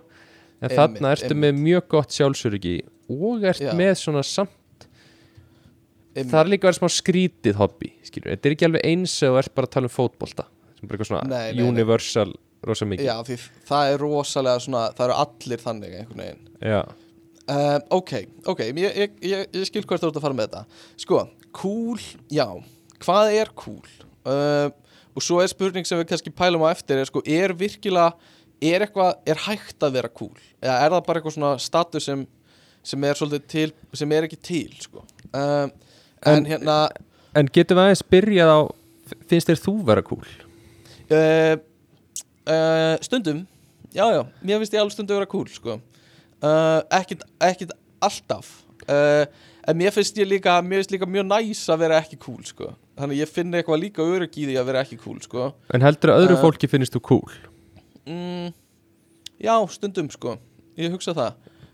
Sé, sko ég held samt frekara að fólk sem þekki mig ekki drosa vel eða fólk sem þekki mig úr kannski ákveðnum kreðsum Já, já, uh, og þetta er ég er ekki að segja ég sé cool út af þessu en, þú veist, þetta er oft þannig að uh, bara eins og þegar við byrjaðum í MR þá voru sumir eldri backingar cool, þeir voru með eitthvað svona annan status Já, já. en við, skilur og, og maður horfði á annað fólk og, og hugsaði þetta er cool manneskja. Mhm. og sama bara að þú kemur inn í einhvern hóp og, og það er einhver sem er þú veist, vel establishaður í hópnum með eitthvað svona. Og, hérna, já. og, og hann er svona töffarinn eða eitthvað svona. Og þá er hann cool. Og ég hef alveg, verið þar. Ég get alveg séð að hérna einhvern tímann hafi fólk hort hann á mig sko. en ég held að skipti líka máli að þekki mig ekki ofvel skilur Já, já, að veist að það er með einhverja ímynd í hausnum á sér já, já, af mér en svo þegar veist þegar kynnist manni betur þá einhverjir áttar að segja á því að maður er ekki svona cool Einmitt. og það er líka það sem gerist við veist þegar maður kynnist þegar ég kynnist fólki sem ég held einu svona væri cool þú veist ekki það að verða eitthvað, eitthvað svona vond fólk í haustum á mig meira bara svona það kem, kemst einhvern veginn jafnast á sama level og ég einhvern veginn. og verður ekki svona öðruvísi. Ég held sko að þegar ég verð að segja bara frá því að ég hef kynst þér mm. það finnst mér í gegnum árin þá hefur þú eiginlega alltaf átt eitthvað svona, við erum svona upplefa svona aðdáðanda hóps interaction við þig. Og nú er ég að meina þetta ekki, nei, ekki sem bara eitthvað grín af því að þetta er, þú veist sko, einhvern veginn hvernig þegar við erum í MR já. þá ert eitthvað svona, "Ó, Stefán Gunnlaugur hérna, þú veist, gæin hérna með skeggið og til að myndalegur í í sjötta bekk og ég var að byrja og þú veist, og eitthvað svona Mm. persónleiki sem fólk tók mjög mikið eftir og, og Ok. hérna og var alltaf að tala um Ok, þannig að þá sá ég fullt af svona einhverjum svona mm. busum þá sem voru, þú veist hitta Ok. á eru að heilsa þér og þú veist ekkert hverjir eru, eru bara að heilsa þér af því að þú veist, þú bara Já, sést eitthvað celebrity, já. skilur svo einhvern veginn svona setna þú veist svo fer þú að vinna í hagaskóla og þá er orðið bara einhverju Mm. krakkar sem eru bara eitthvað mm. steppi gunn, Mhm. þú veist Mhm. þá fer einhvern svona, er Mhm. stóður einhver seleb sem einhvern svona, þú veist, svona skemmtilegi kennarinn einhver staðar Já, já, ok svo fer ég í háskóla og svo verður dæmatíma kennara, það er líka aftur Mm. nærður eitthvað svona kennara status eitthvað svona gaurinn sem er dæmatíma kennari hjá okkur, þú veist, gaurinn með stimpilinn og eitthvað svona. Ok. Og já og svo þú veist, svo eftir háskóla þú veist, þá þegar við byggum saman í Hollandi varstu svolítið svona eitthvað svona mysterious svona vikingur sem svona, þú veist sem fólk var alltaf að reyna að impressa já, já, já, mm og svo, þú veist, er það bara eitthvað veist, það er spunakallin eða podcastkallin og, Mm. og, og nýjasta nú er þetta orðin eitthvað svona eitthvað svona lífskunstner sem lappar inn í fyrirtæki og heldur fyrirlestra um hvernig fólk á að lifa lífinu sínu. Já, já, já. Þannig að ég hef einhvern veginn svona þekkjar og svo vel svona, ég er svona eins og, þú veist uh, svona eins og Mr. Beast mjög stór youtuber. Já, og ég er svona af gaurunum sem er alltaf búin að vera með honum við hliðin á, en enginn veit hver er. Já, ok, ok uh, Ok, já, hérna uh, Jú, ég veit ekki hvernig maður svara þessu. Þú veist, ég held að þetta sé aftur bara uh, Ég held að þetta sé að mörguliti rétt, skilur við En það er bara því, þú veist maður, maður er orðin, þú veist Það kemur einhver inn í nýjan hóp þar sem ég er orðin, þú veist, búin að vera í lengri tíma eða, veist, Og ég held að það sama hafi alveg gerst hjá þér, skilur Þú hafir alveg, alveg Nei, nefnilega ekki sko. Jú, jú, jú, jú. Nei, þú hefur Alveg, svo margt jú. með þér Þú ert svo, þú veist, það er allt þetta vikingalúk og vera, þú veist, strákar elska skegg og vöðva og Ok, veist, ok, strákar ek- elska skegg og já, það er reyndar alveg rétt. Uh, Það er reyndar alveg rétt. Og, og hérna, jú, jú, og maður finnur alveg fyrir því á jamminu, sko Bara, það er, það er sko káfað á skegginu inn á Já. jamminu, sko. Uh, En hérna, um, en ég, jú, ég held alveg að þú og, og hérna, og fleiri hafið, þú veist, fundið fyrir svipuðu dóti, sko. Og ég er ekki, þú veist mér finnst þetta, þú veist, mér líður ekki sem cool á þessum tíma en þú veist, það eru kannski aðrir sem horfa á mann sem einhver svona sem einhver svona, hérna manneskju sem er, já, neða, bara svona establisaður í einhverju kreðsu, skilur já, já. Eða þú veist, Á þess að einhvers flott, flott að segja að, tala um að vera establishaður í ykkur já, já, já. Nei, en þú veist, ég veit ekki hvernig maður á að tala um þetta á þess að hljóma eins og maður sé eitthvað svona uh, að monta sig eða eitthvað svona. Uh, að því annað en bara segja, þú veist maður er ekkert cool og sérstaklega ekki þegar fólk kynnist manni, skilur þá er maður bara einhver lúði, skilur sem er bara, þú veist sem hefur bara gaman að því að eins og gaman að kenna og ég held að það skipti máli, þú veist, bara Já, ég, mér finnst það- gaman og ég skemmti mig við það og þú veist mér finnst gaman að koma með stjörnustempil í dæmatím og stimpla all heimadæmin hjá, hjá Já, fólkinu sem ég er að kenna skilur, þú veist, það er bara stuð og ef að fólk, þú veist ef að fólk hefur gaman að því líka þá náttúrulega, þú veist, verður einhver tenging á milli, sko. Já, já, um, en hérna, nei, ok jú, ég, ég get alveg, þú veist ég held að fólk hafi kannski upplifað mig sem cool þó að, þó að ég sé ekki cool, skilur já, já. Eh, Ég veit ekki hvað cool kemur inn í þetta En þú veist, upplifa mig sem einhvern svona eh, einhvern karakter sem væri skemmtilegt að tala við eða eitthvað skilur við þannig. Já, um, En hérna Mér eh, mér er svo gaman að, mér er svo gaman að heyra núna því ég vissi að því ég byrjaði á þessu. Já, að þú veist, ég vissi að ég var að fara að segja hluti sem að skilur þú veist, hluti sem ég meina já, og ég er að tala um svona, þú veist, ekki bara eitthvað að bulla, ég er ekki að bulla neitt skilur, ok. Ég er bara að segja hluti eins og þau voru. Já, ok en ég vissi ég vissi að þú vissir að þetta væri þú veist, satt þess ég er að segja.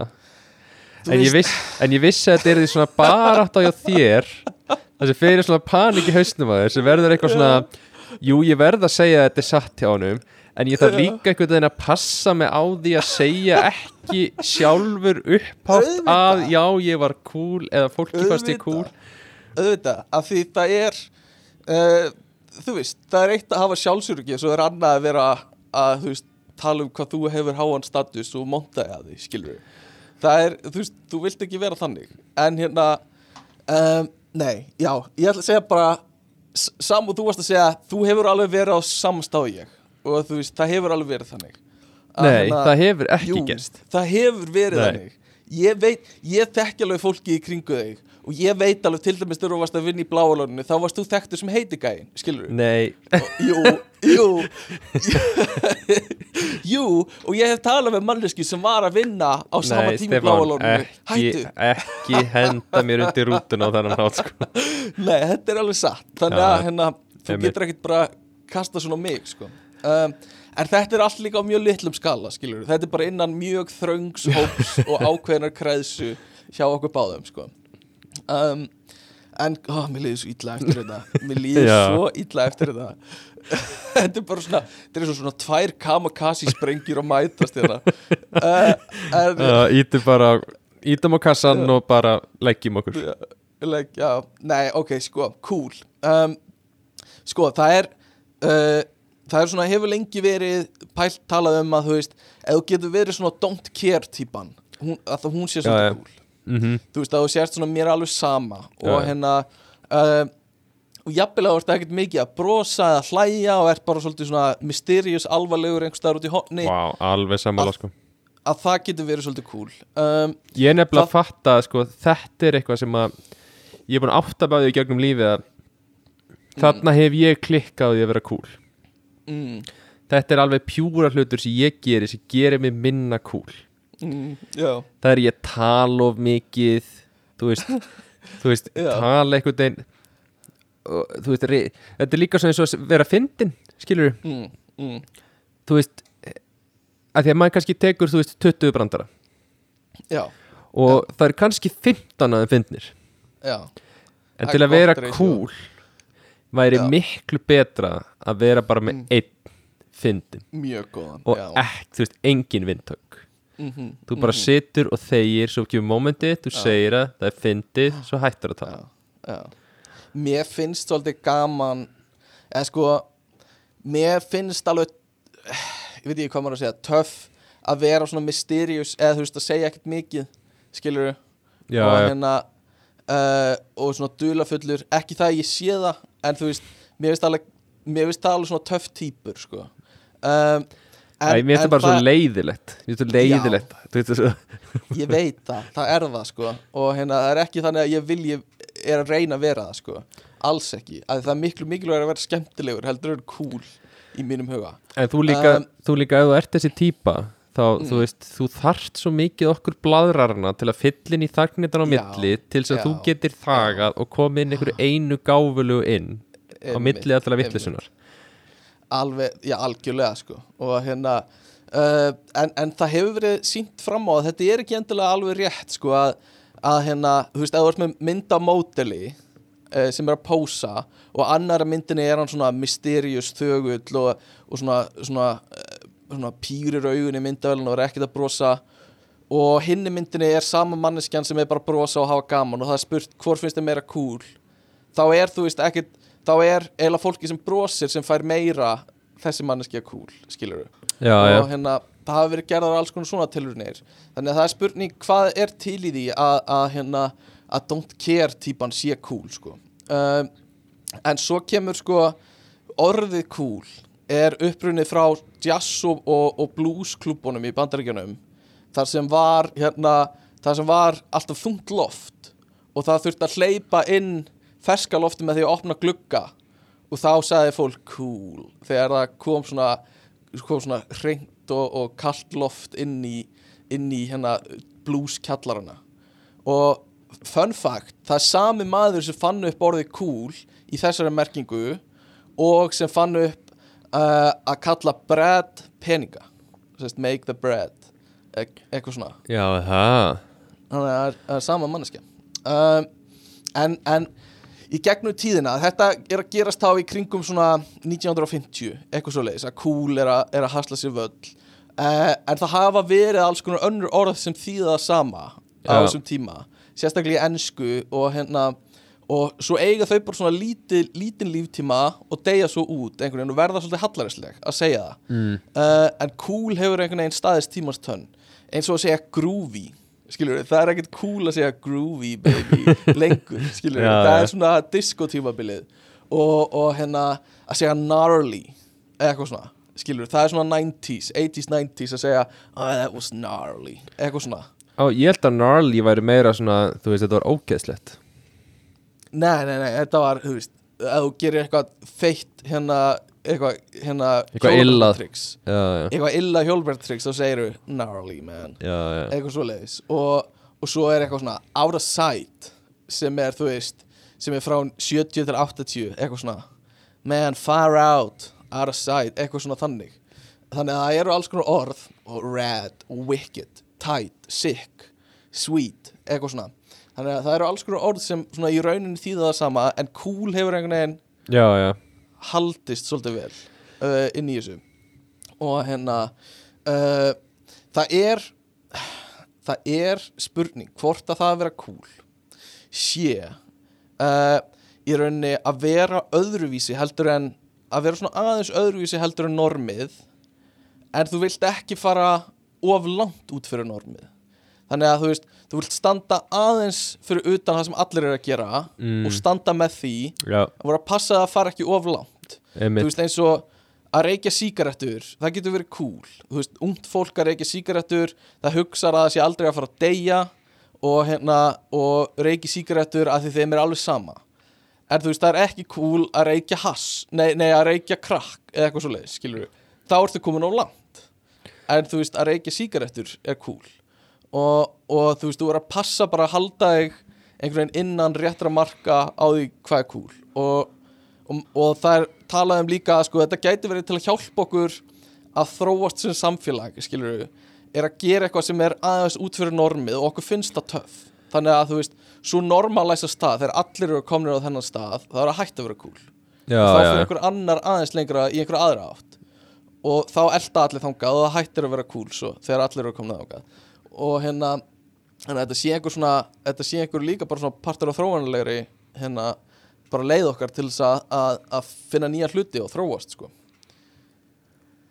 já, hvað finnst þér um það? já ég, þetta er svona þetta er smá þengar sko. Þetta er smá þingar en þannig að, að vera cool getur verið þú veist að gera eitthvað uh, að því það er ekkit endalega cool að gera það sem allir eru að gera. Já, þú veist, og það er bara cool á meðan það er ekki orðið þetta mainstream basic dót. En það er samt líka einhvern veginn sko hlutir, þetta er einhver svona það þurfa samt einhvern veginn nóg margir að vera að gera þannig að þetta verði líka Já. cool sko. já, algjörlega. Þess vegna er, þú veist, var kannski eins og D&D og eitthvað svona nördadót það var ekki cool fyrir 20 árum. Já, en núna þegar það eru aðeins fleiri farin að gera það og það eru orðið meir svona, það er ekki orðið alveg mainstream mhm, en skilur það er samt, þú veist, innan eðlur marka já, þá er það þá er það ennþá cool. En mér finnst eins og þessi aftur að detta svolítið í að það eru ofmargir að gera til þess að það sé cool. Skilurðu? Er það? er alveg, já, alveg bráðum. Þú veist, það er, það er ekki lengur hallarislegt já, eins já, og það var, heldur bara svona það er venjulegt já, skilurðu? já, þannig að það er ekki cool lengur.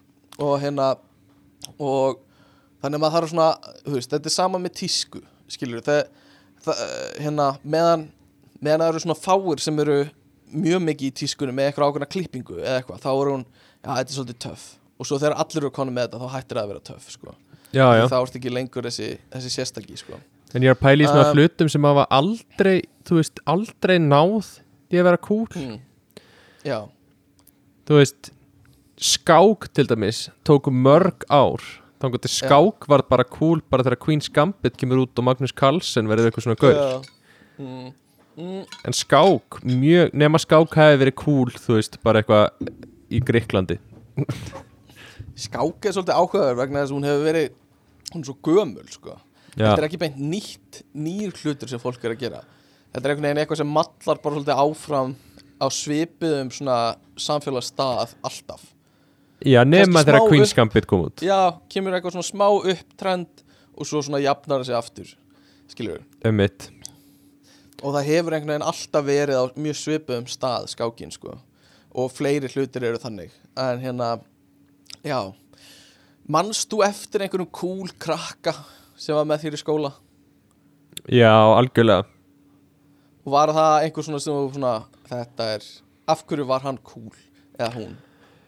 Sko, sko í skóla Sko, í, sko á úlingsárunum Þá var cool Svolítið svona uh, Mér fannst það mjög áhugavert svona Það er einhvern veginn allt öðru að vera cool á úlingsárunum heldur en að vera cool ert fullorinn já, algjörlega. Og eins og vorum að tala um þú veist að nenni ekki að gera hluti er rosalega mikið svona úlinga cool já, já, já, að þú veist vera alltaf eitthvað já þú veist, þú veist að geta sagt ég nennis ekki. Þú veist já, ég nenni ekki fyrir rennibreytina skilur Já, og allir ennþá krakkar.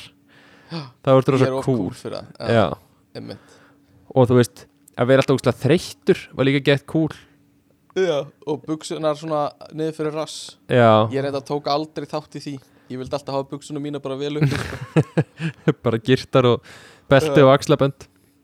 Bara skór sem ég passaði skilur það er bara en þú veist þetta og svona eiga eldri sískinin þá varst oft meira cool. Þú veist, eitthvað svona, já, já, já. Þetta er eitthvað og svona eldri inn sískinni og vinir eldri sískina voru, alltaf, voru oft cool sko fyrir manni. Já, já. Það, það var mjög töff. Líka þú veist, það varð, allan að við vorum yngri þá var það að vera í tölv þú veist, að vera góður í tölvulegjum var það eitthvað svona cool stimpill líka. Mm, mm já, við höfum verið á, á þannig tíma sko. uh, mér finnst þetta skemmtilegt að tala um eins og eldri sískinni þú veist, einhvern veginn þá voru vinir þeirra cool þó að kannski í rauninni hafið verið algjöru lúðar. Já, það já, hefði verið með þeim í bekk eða eitthvað svona þá voru það ekki cool fólkið. En af því þau voru eldri skilur Já, þá já. voru þau einhvern veginn með harri status og voru svona hann er með sítt hár, shit. Það er nett sko. Og hann er- eins og, hann er eins og Sephiroth í, í, í Final Fantasy eitthvað svona. Bara að því hann var að reyna að vera þannig sem er bara fucking lúðalegt kannski fyrir fólki á hans aldri. Tjekka hennan híjung á örfurunni já shit maður byrjar að fá skegg shit eitthvað svona algjörlega. Um, en já það er þú veist það eru þessar mismunandi típur af af einhvern veginn kúli bara eftir í á hvað aldrei þú ert sko. Já, já, og hérna eins og þú varst að tala um að á úlingsaldrinum þá ertu þá ertu bara í ruglinu skilur, þú veist ekkert hvað þú átt að halda og vita og, og ert bara einhvern veginn svona þú veist, bara whatever attitúti er mjög cool sko, já, en svona eins og núna þá ert þú með hljómar eins og aðeins heilbriðari lýsingu á því hvað er cool eitthvað svona, að þú stendur bara með áhuga málunniðinu og ert bara, ert bara hérna örugur, sjálfsörugur Já, því ég held líka þetta sko, það, hvað það sem, það sem þér finnst cool er smá endurspeglun á bara eitthvað sem þú berði virðingu fyrir sko. mm, mm, þannig að þegar þú ert yngri þá ert eitthvað svona þú veist, vá, ég ég væri til í að fá alla þessa aðtegli og eiga alla þessa vini og eitthvað svo Mm. leiðist, þannig að þú sérði eitthvað Já. manneski sem fær það og ert eitthvað vá, ég vildi að ég væri hefði þetta. Já, svo þú eru eldri og finnur svona, ok, ég er ekki típan til að vera þessi þessi Mm. tegunda skilur, Mm. ekki, þú veist þú finnur svona þitt, þitt hólf í lífinu. Já. Og þá þegar byrjar eitthvað svona meiri nýs þú veist, eitthvað, veist, meira nýs sem veist að vera cool að þú hugsaðar, ah, já ég vildi, Já, ég geti haft þe þennan eiginleika, þannig að mér finnst cool að þessi manneski hafi þennan eiginleika. Já, já, þú ferð að horfa eiginleikana sem fólk hefur og hérna svona hvað hva þér finnst flott við það og hvað þú verður til í að hafa. Já, Ok. Uh, Og svo þegar þú ert komin að elli heimili þá er þú veist hver er að fá flesta fjölskyldumælim í heimsókn á grund? Og hérna já, já, hver er að taka hörðustu hérna hæðalifin eða eitthvað? Já hver mann hvað er gerðist sa- í gær. Já. Uh, Já, hérna, einmitt.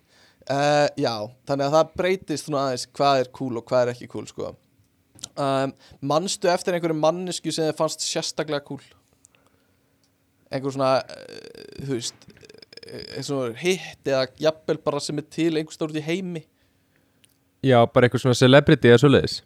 Gæti verið það, eða bara þú manst eftir gurnum sem þú sástu 10-11 einu sinni sem var að, uh, eitthvað. Jójóa eða eitthvað. Já, þú veist, mér fannst þú veist eh, mér fannst Jónsi í svörtum fötum og cool á tímabili. Já, hann var fucking cool sko.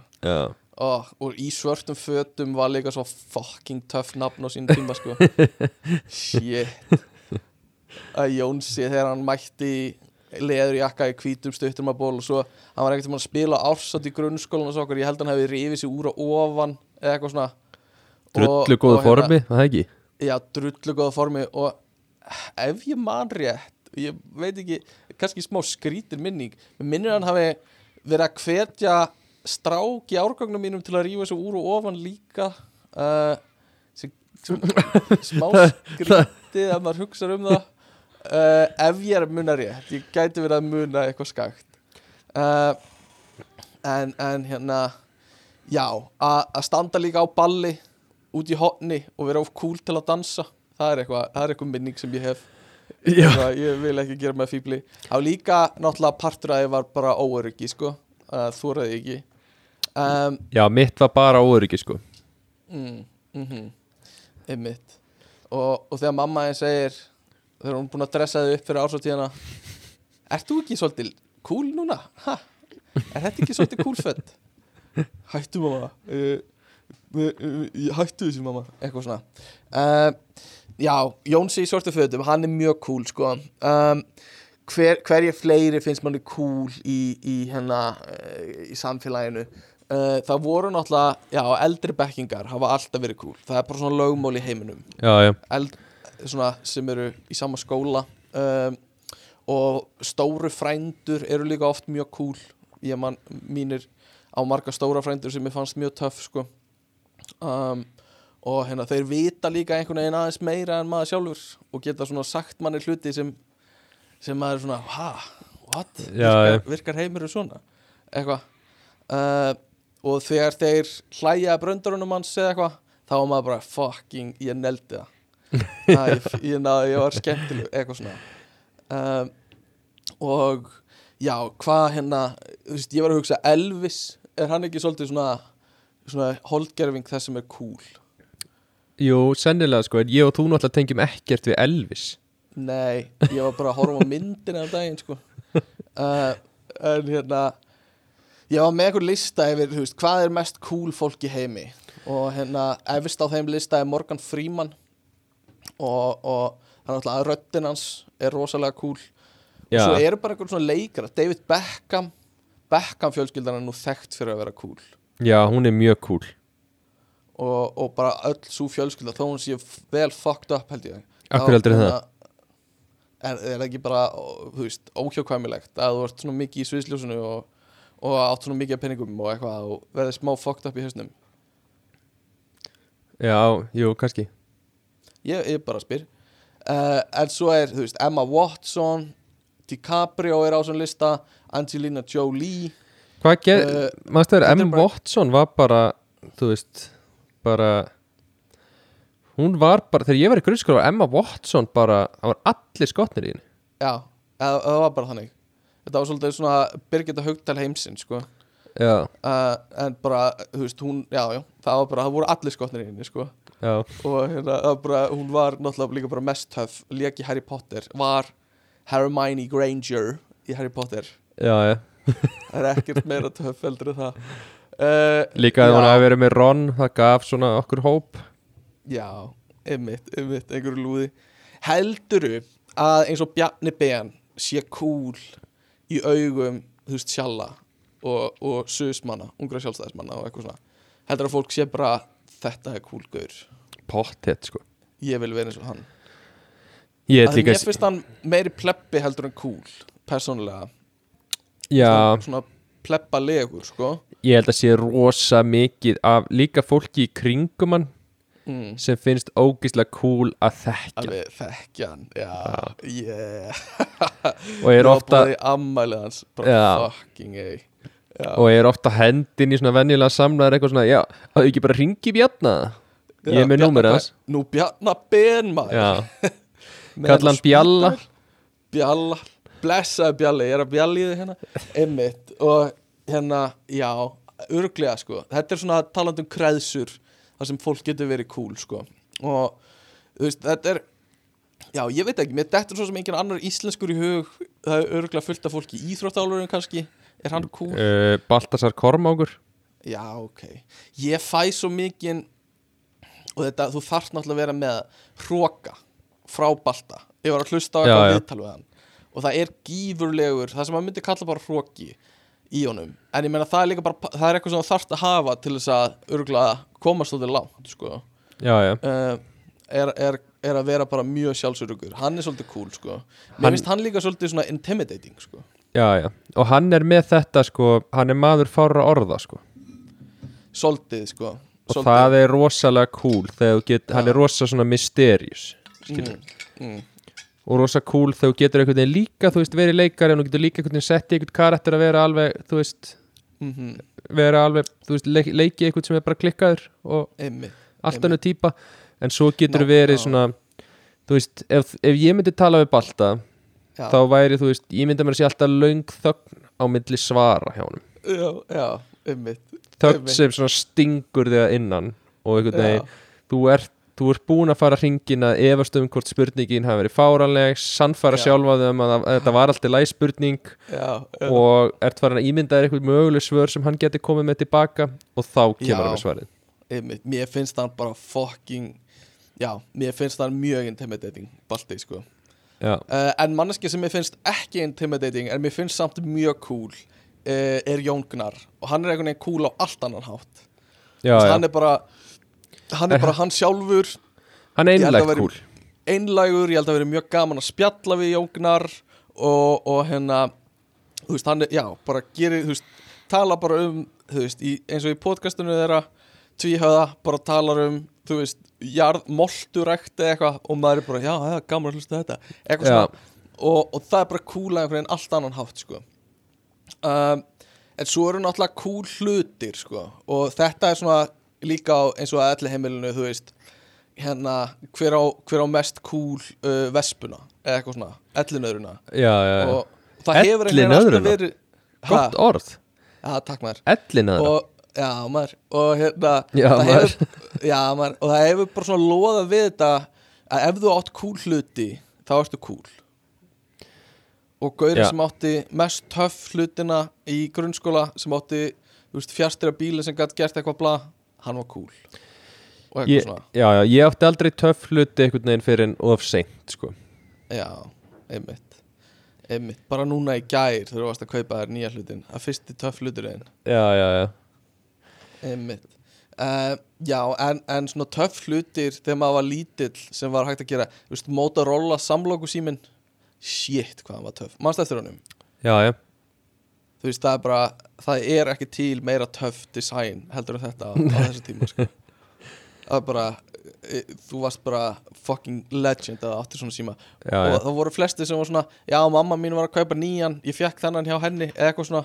Já, ah, draumur sko. Uh, og svo var líka mjög töff að vera með svona eldgrafík alls það svona flames á öllu. Eða eða þú átti skó eða, eða ból eða þú veist, ég veit ekki hvað með flames svona eldlogum á Þetta var samt svona svolítið nördanís, var það ekki?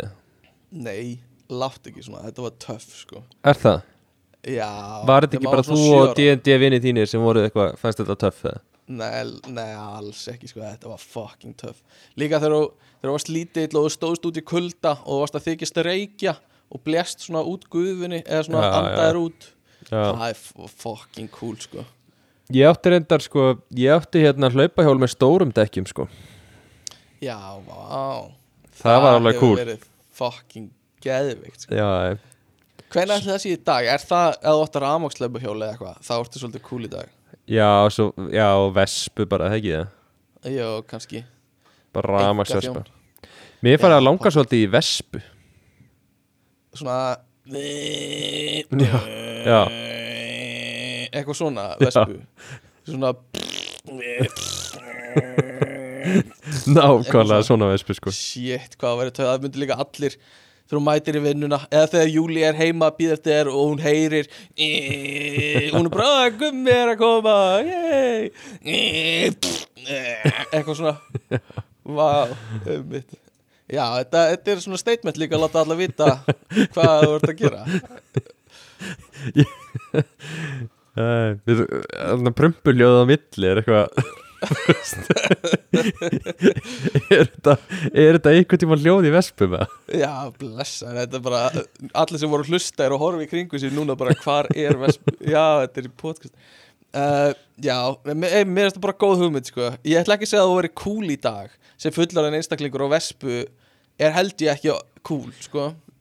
uh, En hérna Hvað veit ég, kannski Kannski ef þú ferð all in inn í það og ert bara mjög stoltur að því þá verður þú cool og saman hátt og því að finnst fólk cool.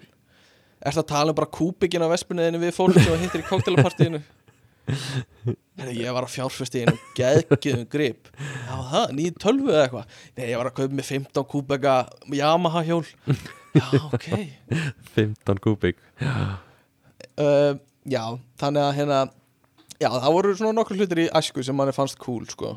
Og, og, og hérna uh, Já, derhúr og eitthvað svona.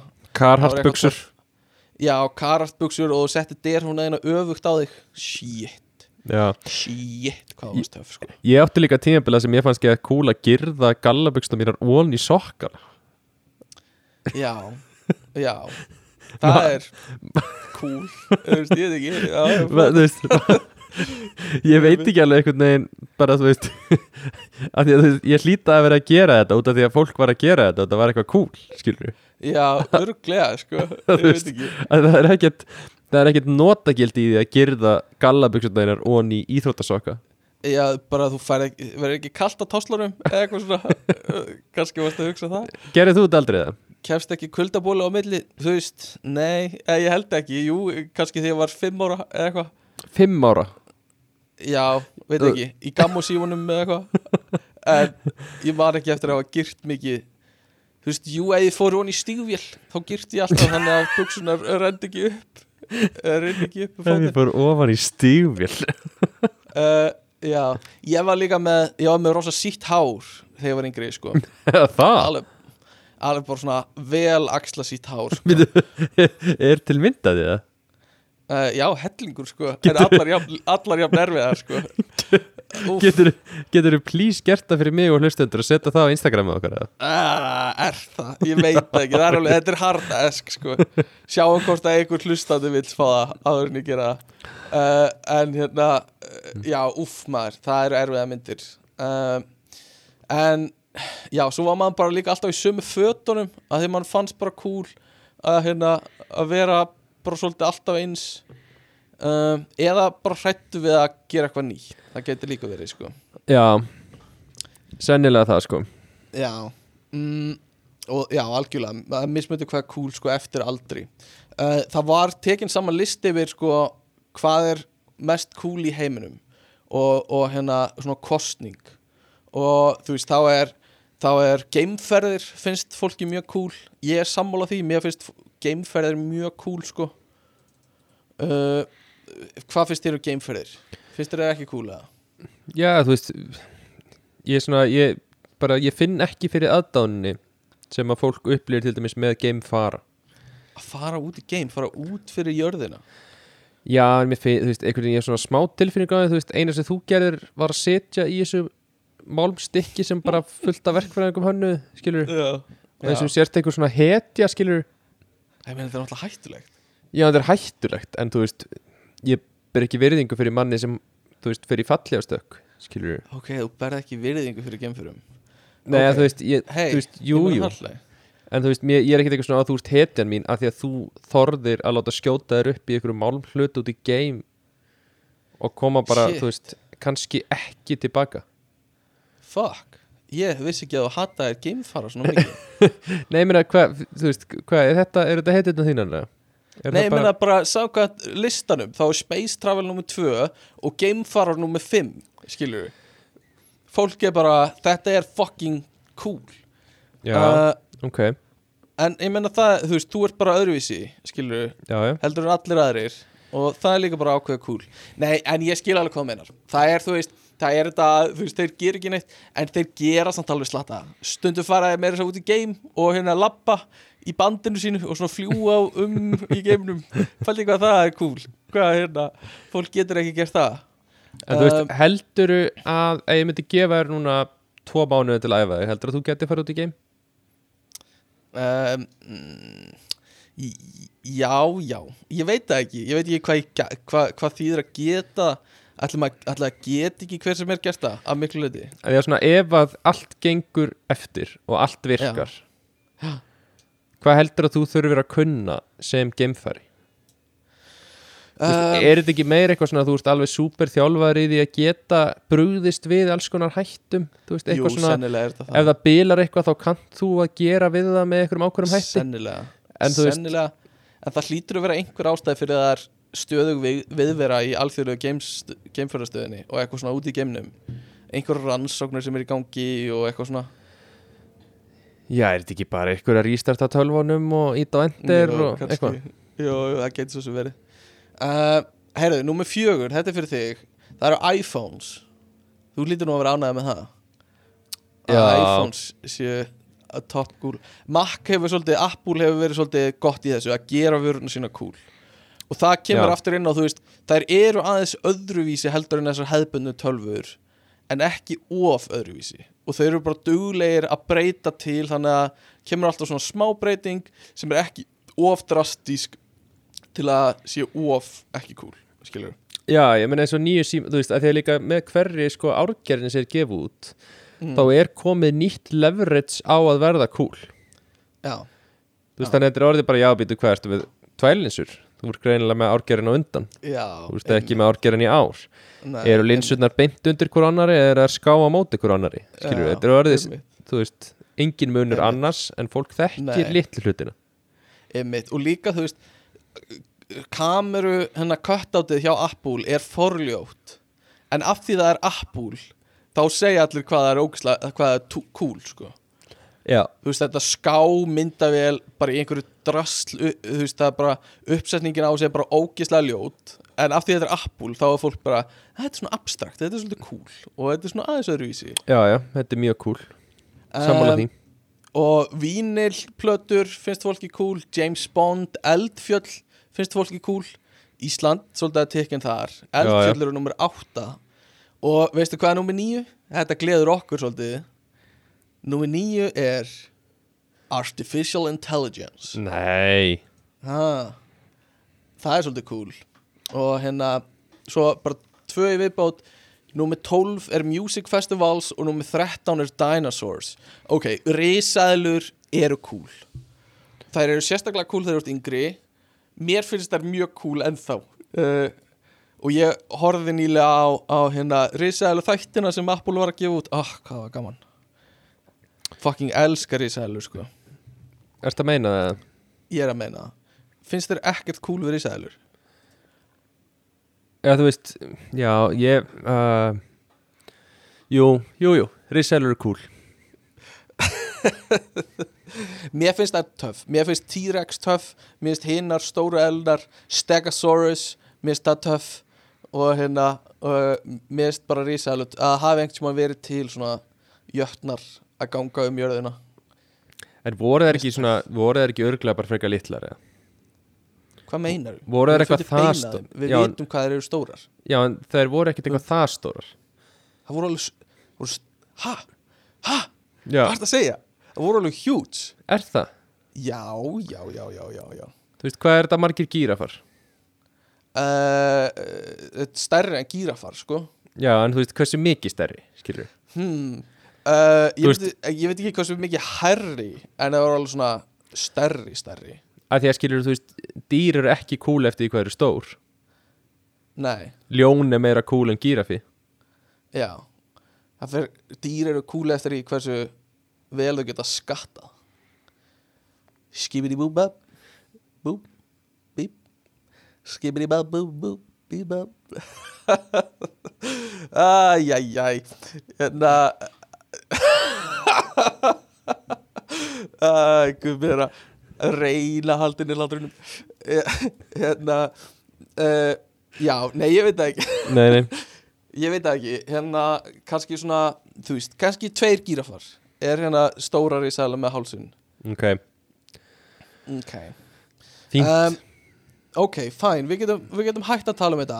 Uh, Sko uh, síðasta eða svona, já, svona síðasta sem kemur á kúli er hérna það er mikilvægt að vera up to date á öllu lingóinu frösunum, mhm. þú veist og hérna, það er ekkit hallaræslegra heldur en að vita ekki hvað eitthvað þýðir eða nota eitthvað vittlaust eins og að segja, þú veist uh, spill the tea og þú ert að tala um þú veist, eitthvað annað heldur en að slúðra eða eitthvað skilurðu. og, og segja bay við barnið þitt eða eitthvað svona, skilur mhm Ak- það er já. mjög hallaræslegt Mhm. skilur, það er mikilvægt og töff að þú ert með slangrið í lagi Já, já, Er það ekki sammála því? ég er sammála því Hvernig heldur að þú sért hversu vel stattur heldur að þú sért í slangri dagsins í dag? Ég held ég hef alltaf verið mjög relevant í slangri Er, er, er það? Já, Heldur þú, hérna, heldur þú myndir ná vel á, Já, já. Veist, ég, ég ætla að taka þig í smá test á eftir Ok. með, með slangrinu. Já, já. Uh, og hérna þetta verður mest hérna útlenska slangri en ég meina krakkarnir, íslensku krakkarnir eru að nota það. Uh, og þú heldur þú skorir vel á því? Já, 100% ok, Veist, Ég held að nema þú komir með eitthvað Nietzsche hérna, Nietzsche uh, eitthvað, eitthvað kvót, sko. Okay. Að Nietzsche kvot Já, einmitt, einmitt. maður má aldrei mismæla sig í kringu því uh, sko ég var að hugsa, ég þarf að fara að kroppa dautt blóð af sárinu mínu Já, hvort þú viljið ringja í einhvern til þess að fá svona update á frasan í unga fólkinu fyrir spurningakefna endilega ok uh, þú ringir á meðan. Ég er að hringja. Balls. I like to see you wiggle wiggle. For sure. It makes me wanna dribble dribble. You know, riding in my Fiat. You really have to see it. Stick Blessaður maður Ble- Hey, yo, yo, yo. What's up, man? Uh, g- Good, yes, thank you. Ég tala íslensku maður Já, nei, ég veit að, já, já Eh, Hvað, ertu eitthvað gamall? ég segi svona. Nei, ja, svolítið en, Já, en hver er þú? Já, ég er nú með ykkar diggasti hlustandi maður Ég heiti Slim Jim. Slim Jim, ok Já. Hvaðan kemur það? Ég bara, ég heiti Jafet Slim Jim, það passa mig bara betur Ok Já, maður og, Ég ætlaði bara svona að heyri ykkur og taka stuðuna á hvað kérlinn er cool Já, endilega Ha? Takk, takk, Takktu stöðuna Já, ég var nú, ég var að byrja í FG um daginn, sko. Ok, geðveikt. Kennarnir eru svo ógislega lumma, sko. Já, það Já, maður, það skilur mig ekki, maður. Það er svo fucking, það skilur mig ekki, maður. Já, ski- fó, fólki á þínum aldrei skilu þið. Já, ég á nokkra víni, sko. Já. En þessi kennara, maður, ú, já. Já, Það er þessi setja ykkur að kennarar. heima, vinni, maður. Já, glata maður Já, maður. Heyrðu, ég er hérna að vera að pæla. Ert þú búin að vera jingle janga eitthvað? Nei, ég veit ekki alveg hvað það er Ertu ekki með á lingónu í ókakrakonum? Ekki, nei, hvað sagður Jingo Janga? Já, ertu búin að vera jingle janga? Mér hljómar eins og sé smá kúli og Já, jú, jú, jú, ætlaði ekki Það er smá kúli og í þeir, eða ekki? Já, jú, jú, hvað, hvað þýð það? Kúli og Já, Það er að vera ekki með á nótunum, já, það Ha? Ok, já, maður. Það er ekkert að jingle janga og fara svo að flúplaga. Nei, nei, nei, nei Það er eitthvað að flúplaga við mig, eða? Nei, nei, alls ekki Ég er ekkit að, hérna Er ég að ringi gera- stjóran, eða? big boss Já. big man. Já, já Látt ekki svona maður Talaði við mig Hvað ertu búin að vera að horfa á TikTok? Ertu með mindbelting í gangi það? Nei, ég er ekki með mindbelting Mér ljómar eins og mindbelting sé á fullum froska hjá þér maður Já, ok. Já, maður lætur ekki Það er eins og það að sjóðu upp úr rassinu maður maður. Já, já, já, já, já, ok Hvað, getur þú sagt okkur hvað er svona kannski hvað er næst í, í lingóinu hjá unga fólkinu í dag? Svona hvað, þú veist, eitthvað sko- svona early wave. Og þessi eitthvað sem að ég Early wave maður. Heyri, það var nú bara living in my mind menn, sko, rent free hérna um daginn. Þegar, hérna forstjórin á á fucking samherja var að tala um að það væri verið að dólga inn í esið Ok, ok.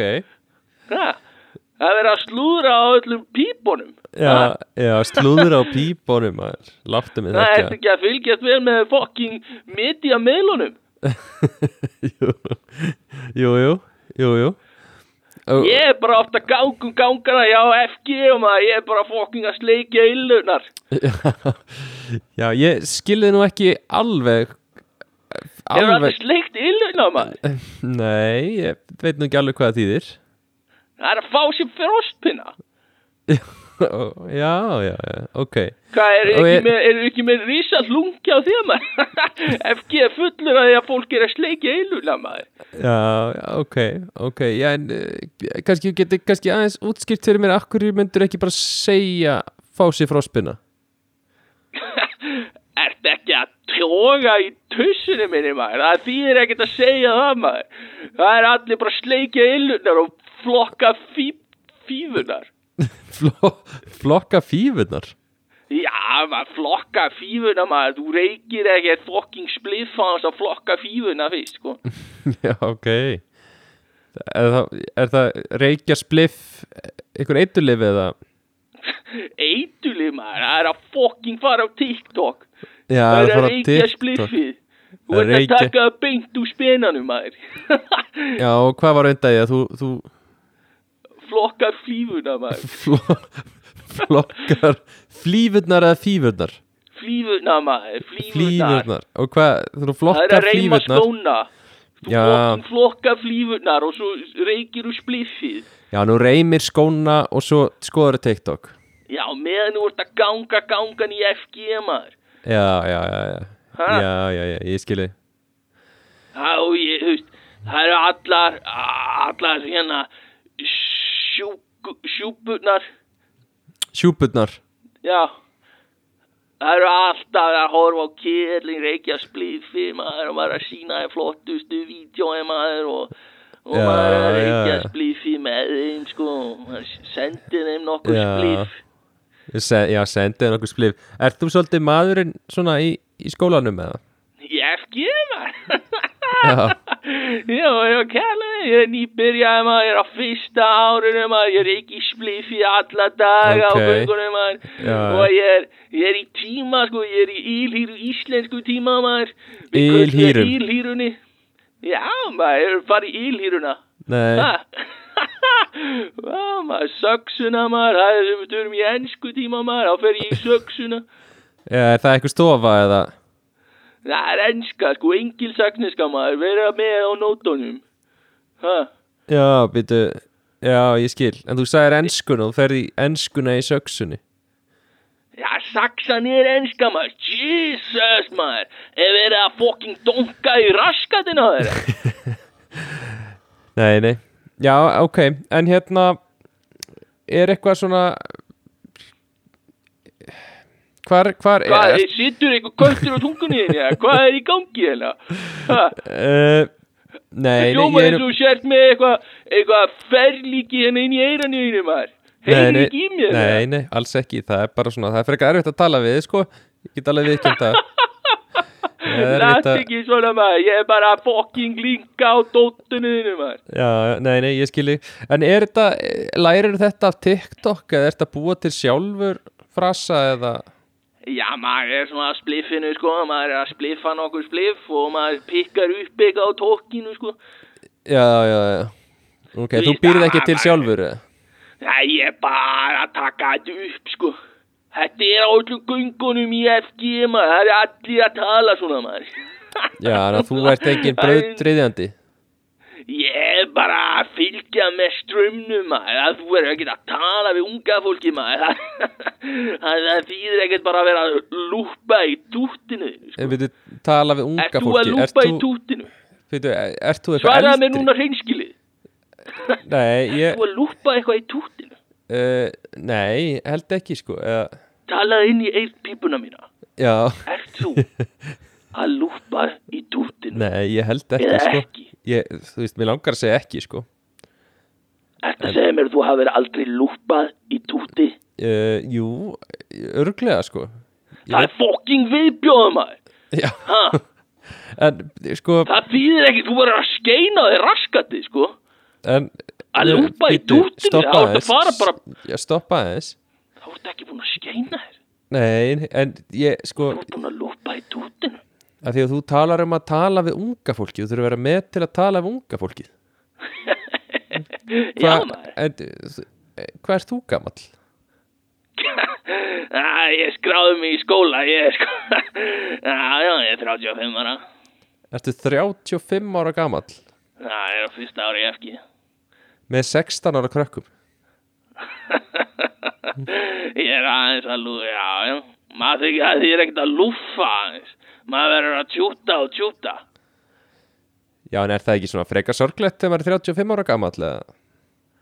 Fyrirgeðu Varst þú ekki að segja mér að þú verður að lúfa í tjútinu rétt á hann? Uh, jú, þú, þú líka sagði mér að það væri maður ætti að gera það. Ég sagði þér að það væri það að fara og skeina sér ekki eftir að maður er búin að kúka. Já, já, ég skil. Jú, jú, jú, jú, ég geri það Ég skeini mér alveg. Herru, mér bara, ég er ekki að fá þessi góðu væp frá þig, sko. Nei, nei, Ég veit bara sömuleiðis bara. ásakandi að ég er 35 ára er að reyna að taka lífið mitt saman með því að fara og donka og, og fara bara í flingjuna. Nei, nei, og þú er bara, þú er bara sjút, þú er bara sjúr, bara sjúra á mér, sko. já, já, nei, nei. Ekkert mál bara. Takk fyrir að hérna, hafa sambandvinnur og bara Við Hey. segjum þetta gott Það er samt alltaf góð væpi og kjærlega, sko. Já, ég heyri það 35 ára gamall í FG Hei, það er bara, bara, e, Talar eitthvað sem hann venjulega eða er þetta búið að vera Ertu búin að vera lengi fastur í einhverju svona einhverju fortíðatrá um að vera úlingur aftur eða? Já, maður, ég hef aldrei hægt að vera úlíkum, maður. Já, maður, ég er bara, ég, þú veist, ég er búin að vera að lingoða alltaf hreinu, já, þú veist, allan tíma, sko, ég er bara, ég er bara, skil ekki, bara, Já. Einmitt. En hvað heitir aftur? Kjærn heitir Slim Jim. Slim Jim. Herðu, Slim Jim bara gangið allt í hæginn og bara Hei, Já, hei, já. Ástin er að innan. Bye. Ok. Bye. Jæja, Jæja. Jæja. Átakalegt Jæja, já, hérna, hérna, já. Uh, Herðu, jæja uh, Ég vona að þú hafi getað rifjað smá upp hana af, af slangrinu. Um, og, og að þið með langar að taka í bara svona örstu test á að sjá hversu þú ert með nýja slangrið hjá, hjá unga fólkinu í dag. Og hérna og ég er með lista af, af slangri, alvöru slangri sem fólk segir. Og Ok. hérna þú ætlar að segja mig hvað þýðir. Og hérna og uh, já, og svo farið bara skor eftir því Ok. Og þetta er 2020 slangur. Þetta er slangur frá árinu 2020 þannig að hvað þýðir tjúgi? Tjúgi. Tjúki Mhm. uh, að vera tjúgi. Ykkur sem smjattar. Chewy He's chewing the ghee. Já, uh, nei þetta, þetta er í rauninni hérna, orð sem er að koma í staðan fyrir basic. Ef eitthvað ef þú ert svona painfully mainstream þá ertu chewy sko. Skilur Já, já, ok. Þannig að þú verður að vera með þetta á hreinu. Uh, hvað þýðir að vera rent free living rent free Já, það er svona eins og þegar ykkur ef eitthvað er living rent free in your head. Mm. Þá er það svona að það er fast í haustum aður Já, getur ekki hægt að hugsa það. Já, og hérna, já uh, eitthvað svona, þetta hljóður living rent free í hausnum á mér og það getur verið vídeo, lag upplifun eða persóna uh, það er að, veist, já getur ekki hægt að hugsa það. Hvað getur þú sagt mér um vibe check? Uh, já þetta er svona þú veist þetta er svona þegar þú ert til dæmis að reyna að klæða þig fyrir einhverja ákveðna stemmingu mm. og þú segir svona þú veist, did it pass the vibe check skilur þú veist, Mm. er þetta, er ég þú veist, er, er ég að fit inn hérna skilur Ok, og þú, þú vilt meina að þetta tengist fötum? Já, eða bara, þú veist, bara svona þú veist, að fitta inn. Að pass the vibe check þegar þú ert að Mm. fitta inn mm með gjörðum þínum. Já, já, já. Þetta er, þetta er í rauninni bara ef einhver er, þú veist og að heiða sér neikvætt eða, eða, já, með vonda svona ströyma þá er hann ekki að passa the vibe check, vibe sko. check. Já, já, Já, en ef einhver passar the vibe check þá, þá er hann, þú veist þá er hann að grúfa, skilur já, já, hann að grúfa. Hann er að grúfa, sko. Uh, og hérna ok uh, main karakter? Sko Hvernig main karakter er svona hugtæki yfir það þú veist, svolítið svona heimiri snýst í kringum mig þú Já. veist, ég er main karakterinn í minni sögu skilur Já, og þú ert svona líka sjálfum við að vera aðal sögur hetjan í bíómynd skilur þú veist, þú, þú veist. Já. Einmitt, Já. einmitt. Þetta er svona, hérna Þetta er ef einhver stendur út úr eða er, þú veist, segjum að mæti miklu fína en allir aðrir á einhver- staðar. Og þá er hann svona, já, það er main karakter af þér eða þú veist, svona eins og er ég með Og- þér og það er hérna einhver aðdáðan og bara slefiði þér þá er ég ekki main Já. karakter nei, alls ekki, sko. Uh, alls ekki. Og já, algjörlega. Þannig svona, það er þegar þú ert aðal í einhverju aðstæðu Já. basically, eða svona stendur út úr á, á góðan hátt. Eða ofta á góðan hátt. Hvað þýðir þegar fólk, tala, fólk talar um sko ca- caught in 4K caught in 4K já, þú sást eitthvað alveg mjög vel. Þú varst vitna einhverju alveg bara með berum augum. Um, berum augum. Já, Já, sko, þetta er í rauninni, sko, þetta er svona svipa væpúður talum uh, Þetta er í rauninni þegar þú gómar einhvern glóðvolgan við eitthvað og, og þú ert með eitthvað til að sanna það, skilur Mhm. Og það er oft, þú veist, þú hefur einhverja góða sönnun fyrir því og hérna uh, oft er þetta á, þú ert með einhver svona stafrænt hérna, sönnunagögn eins og á TikTok þegar það er myndbönd af einhverjum gera eitthvað já, já, já. og hérna einhver að prumpa skilur og, þá, Mhm. og, og myndbanda einhverjum að prumpa á TikTok þegar hann veit ekki að það er verið að taka hann upp og þá segir fólk caught in 4K Mm. og hérna svo er hægt að nota þetta í alvöru heiminu líka að þú sérði einhvern gera eitthvað eins og þú segir með berum augum þá getur þú sagt caught you in 5K, pissa á þig skilur já, já, emitt einmitt um, hvað er understood the assignment understudy Understood the assignment Skildi verkefnið Hvenær notar það? mm. Hmm. Hmm. það er góð pæling ætla að sé svona eða þeir text eitthvað mjög vel.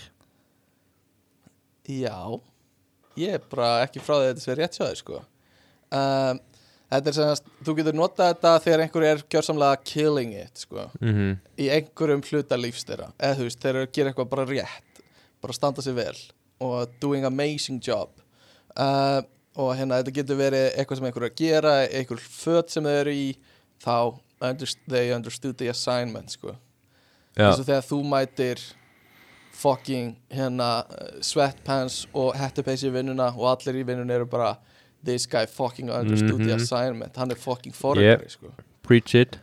Næsta er svolítið skemmtilegt. Ég, ég er spenntur að vita hvort þú, hvort þú viti hvað þetta er. Hvað er bussin? Bussin það er að vera mjög spenntur. Bara, þetta er svona, svona fyrringurinn að vera bara þú veist það er mjög, mjög spenntur verið að gera eitthvað Nei, þetta er ekki það sko. Jú, Uh, víst. Nei, nei. Jú, Þú segir þetta þegar eitthvað er mjög gott Og þetta er oft tengt mat Og hérna Og þá segir þú til dæmis This food is bussin já, það segi líka þú veist Það er góð matur. I was buzzing Og- to meet her. Þú veist að vera date. Mm, Ég held ekki sko Þess, ég held að þú er, er rátt fyrir, þér núna. Ég held að þú sérst ekki að passa þið vibe checka eitthvað núna. Ég held að þú verður bara að passa þig. Ég held að ég bara understandi the assignment sko. Ok, og hérna Svo segja ég líka uh, ef þú vilt sko ef þú vilt leggja ekstra áherslu á það þá getur þú sagt wow, this pizza is really bussin' bussin' skilur Já, en þú, veist þegar þú segir I was buzzing when she told me this. Gaur hérna, þú veist þetta svar hjá þér er bara living rent free inside my head sko. Caught you in 5k making some errors baby. Uh, og hérna uh, hvað er the blueprint? The blueprint. Uh, Það er svona fyrirmynd. Uh, getur þú verið nákvæmari? Uh, Já, bara ef ykkur er blueprint Þú Mhm. ert þá bara fyrir þú, ykkur svona Þú ert bara nákvæmlega eins og á að gera þetta Eða nákvæmlega eins og á að vera eiginlega, þetta er alveg rétt sér sko. uh, They are the blueprint An icon, a legend the, uh, This describes when somebody is so perfect Or did so well at something They are deemed the original The OG, Mhm. the blueprint Já, Það er bara þegar þú- gerir eitthvað mjög vel sko. uh, Og tvö eftir hérna uh, Ate that Ate that, át það um, Já, góð spurning. Ætli þetta sé að svona að trúa ykkur Nei, þetta er þegar líka þegar einhver gerir eitthvað mjög vel þá getur þú sagt they ate that. Þú uh, getur jafnvel líka sagt Svona eins og tekin og jetin. Tjúðastu Svona tekin og jetin. kannski smá þannig að, en samt ekki, þú ert ekki að taka neitt, þú ert kannski að að þú framkvæmur einhver dans mjög vel þá getur þú sagt ate that þú getur jafnvel sagt sko left no crumbs. Skildir ekki Mm. eftir neina milsnu sko. Um, og síðasta er, og mér finnst það svolítið skemmtilegt sending me. Sending me.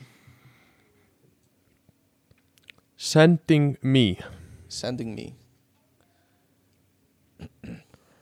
Wow hmm, hvað ætla þetta að sé? Sending me. Sending me. Ætli þetta sé eitthvað svona stytting á eitthvað lengri setningu sem er eitthvað svona það getur verið. Sending me out of space. Eitthvað svona. Það getur verið. Það getur verið. Eitthvað svona, þetta er að fá eitthvað svona þetta er að senda eitthvað, setja eitthvað annan heim. Þetta er svona eins og að fá er- eitthvað fullnæðingu eða eitthvað. Ok, og í hvaða samhengi myndur nota þetta? Hvað er að gerast þegar þú myndur nota þetta? Bara, þú veist, þú bara eitthvað geggjað sem ert að upplifa. Ok, þetta er mjög náldi þetta er, þetta er nota á svipuðum stöðum. Ef eitthvað fyndi gerist oft þá getur þú sagt I'm screaming eða I literally can't. Þetta er notað í svipuðum stöðum á það. Já, já, This is sending me. Og, og þetta er svona, þetta er af því það er eitthvað hilarious þá getur þú sagt that sent me og hérna, og ef þú vilt spæsa ennþá meira þá getur þú sagt that sent me into orbit á svona svipuðum hátt og I literally can't sko. já, já, já. Ég myndi segja að þú hafi fengið sjö rétta uh, og ég ætla að rekna út hvað þú farið einhvern þú færð 5k master. Nei, grandmaster. Já, Grandmaster, man uh, Mér fannst alltaf skemmtilegt. Þetta var 2022 sko sem við vorum að taka. Svo eru þú veist frá 2019 Það er svolítið gaman að horfa á það. Uh, Bara svona rétt alveg í lokin. Það eru svona eins og orð eins og hérna T, spilling with T og, og Sus og Vogue og Flex og hérna Left on Red og eitthvað svona. Uh, hvað því hvað því flex?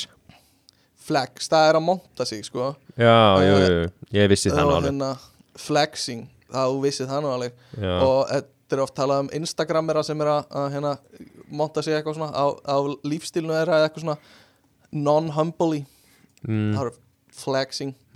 Og frá 2020 þá var hate to see it, ok boomer var þar, já, cap basic, fit og cancelled cloud og já, eitthvað svona gaman að rifja þetta upp.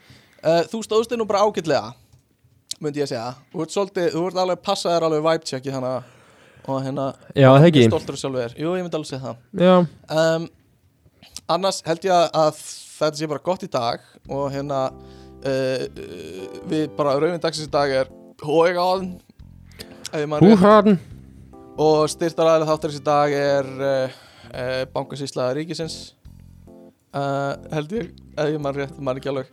Og hérna um, hafið samband ekkert frétta at gmail.com eða ekkert frétta Instagram? Um, við vöktum það eins og uh, fucking uh, Gammar. haförn gammir gam, gammar. Eitthvað sem þú vilt bæta við að lokum eða? Með nennur einhvern tímann að bæta eitthvað við að lokum einhvern tímann? Með þetta er orðið svolítið mitt þeng sko að bæta einhvern veginn, þú veist, ekki við. Aldrei við. Já. ah, ég spyr þið alltaf uh, ok, og hérna mm, já, er það ekki bara? Ef við ekki bara segja það, er það Er ekki, það ekki bara? Er já. það ekki bara? Jú, reyndar eitt, ef einhver er ennþá að hlusta veit ekki, uh, við erum mögulega að fara að senda, gera bráðum þátt á svona skemmtilegum klippum þar sem við förum yfir skemmtilega klippum og hlustum á það saman og, og, og segjum eitthvað svona hvað okkur finnst um þær úr, göm, úr gömlum þáttum frá okkur. Þannig að ef að þið munið eftir einhverjum skemmtilegum klippum úr gömlum þáttum sem ykkur fannst finnar eða eitthvað svona megið senda, senda á okkur og, og hérna við klippu það fyrir þátt í framtíðinni Það ekki? Jó, Do Hvernig hefur verið að þú hefði bætt þessu við? do hana? it Ha? Hvernig hefur verið að þú myndir segja eitthvað einhvern tímann og ég þurfi ekki bara að segja eitthvað Og sendið hérna vinum ykkar og ömmum og öfum hérna og byggðið þau um að senda öðrum vinum sínum Já. og annars innan sjö daga annars Já. kemur annars kemur vondikallin ef við náðum annars kemur Slim 300 Jim? ef við náðum 300.000 subscriberum fyrir lok þessa ás Mhm. þá fá allir miljón ok, segjum það, ég til það. Geggjað, hljóma vel Já. uh, ok, herðu, bye. Bye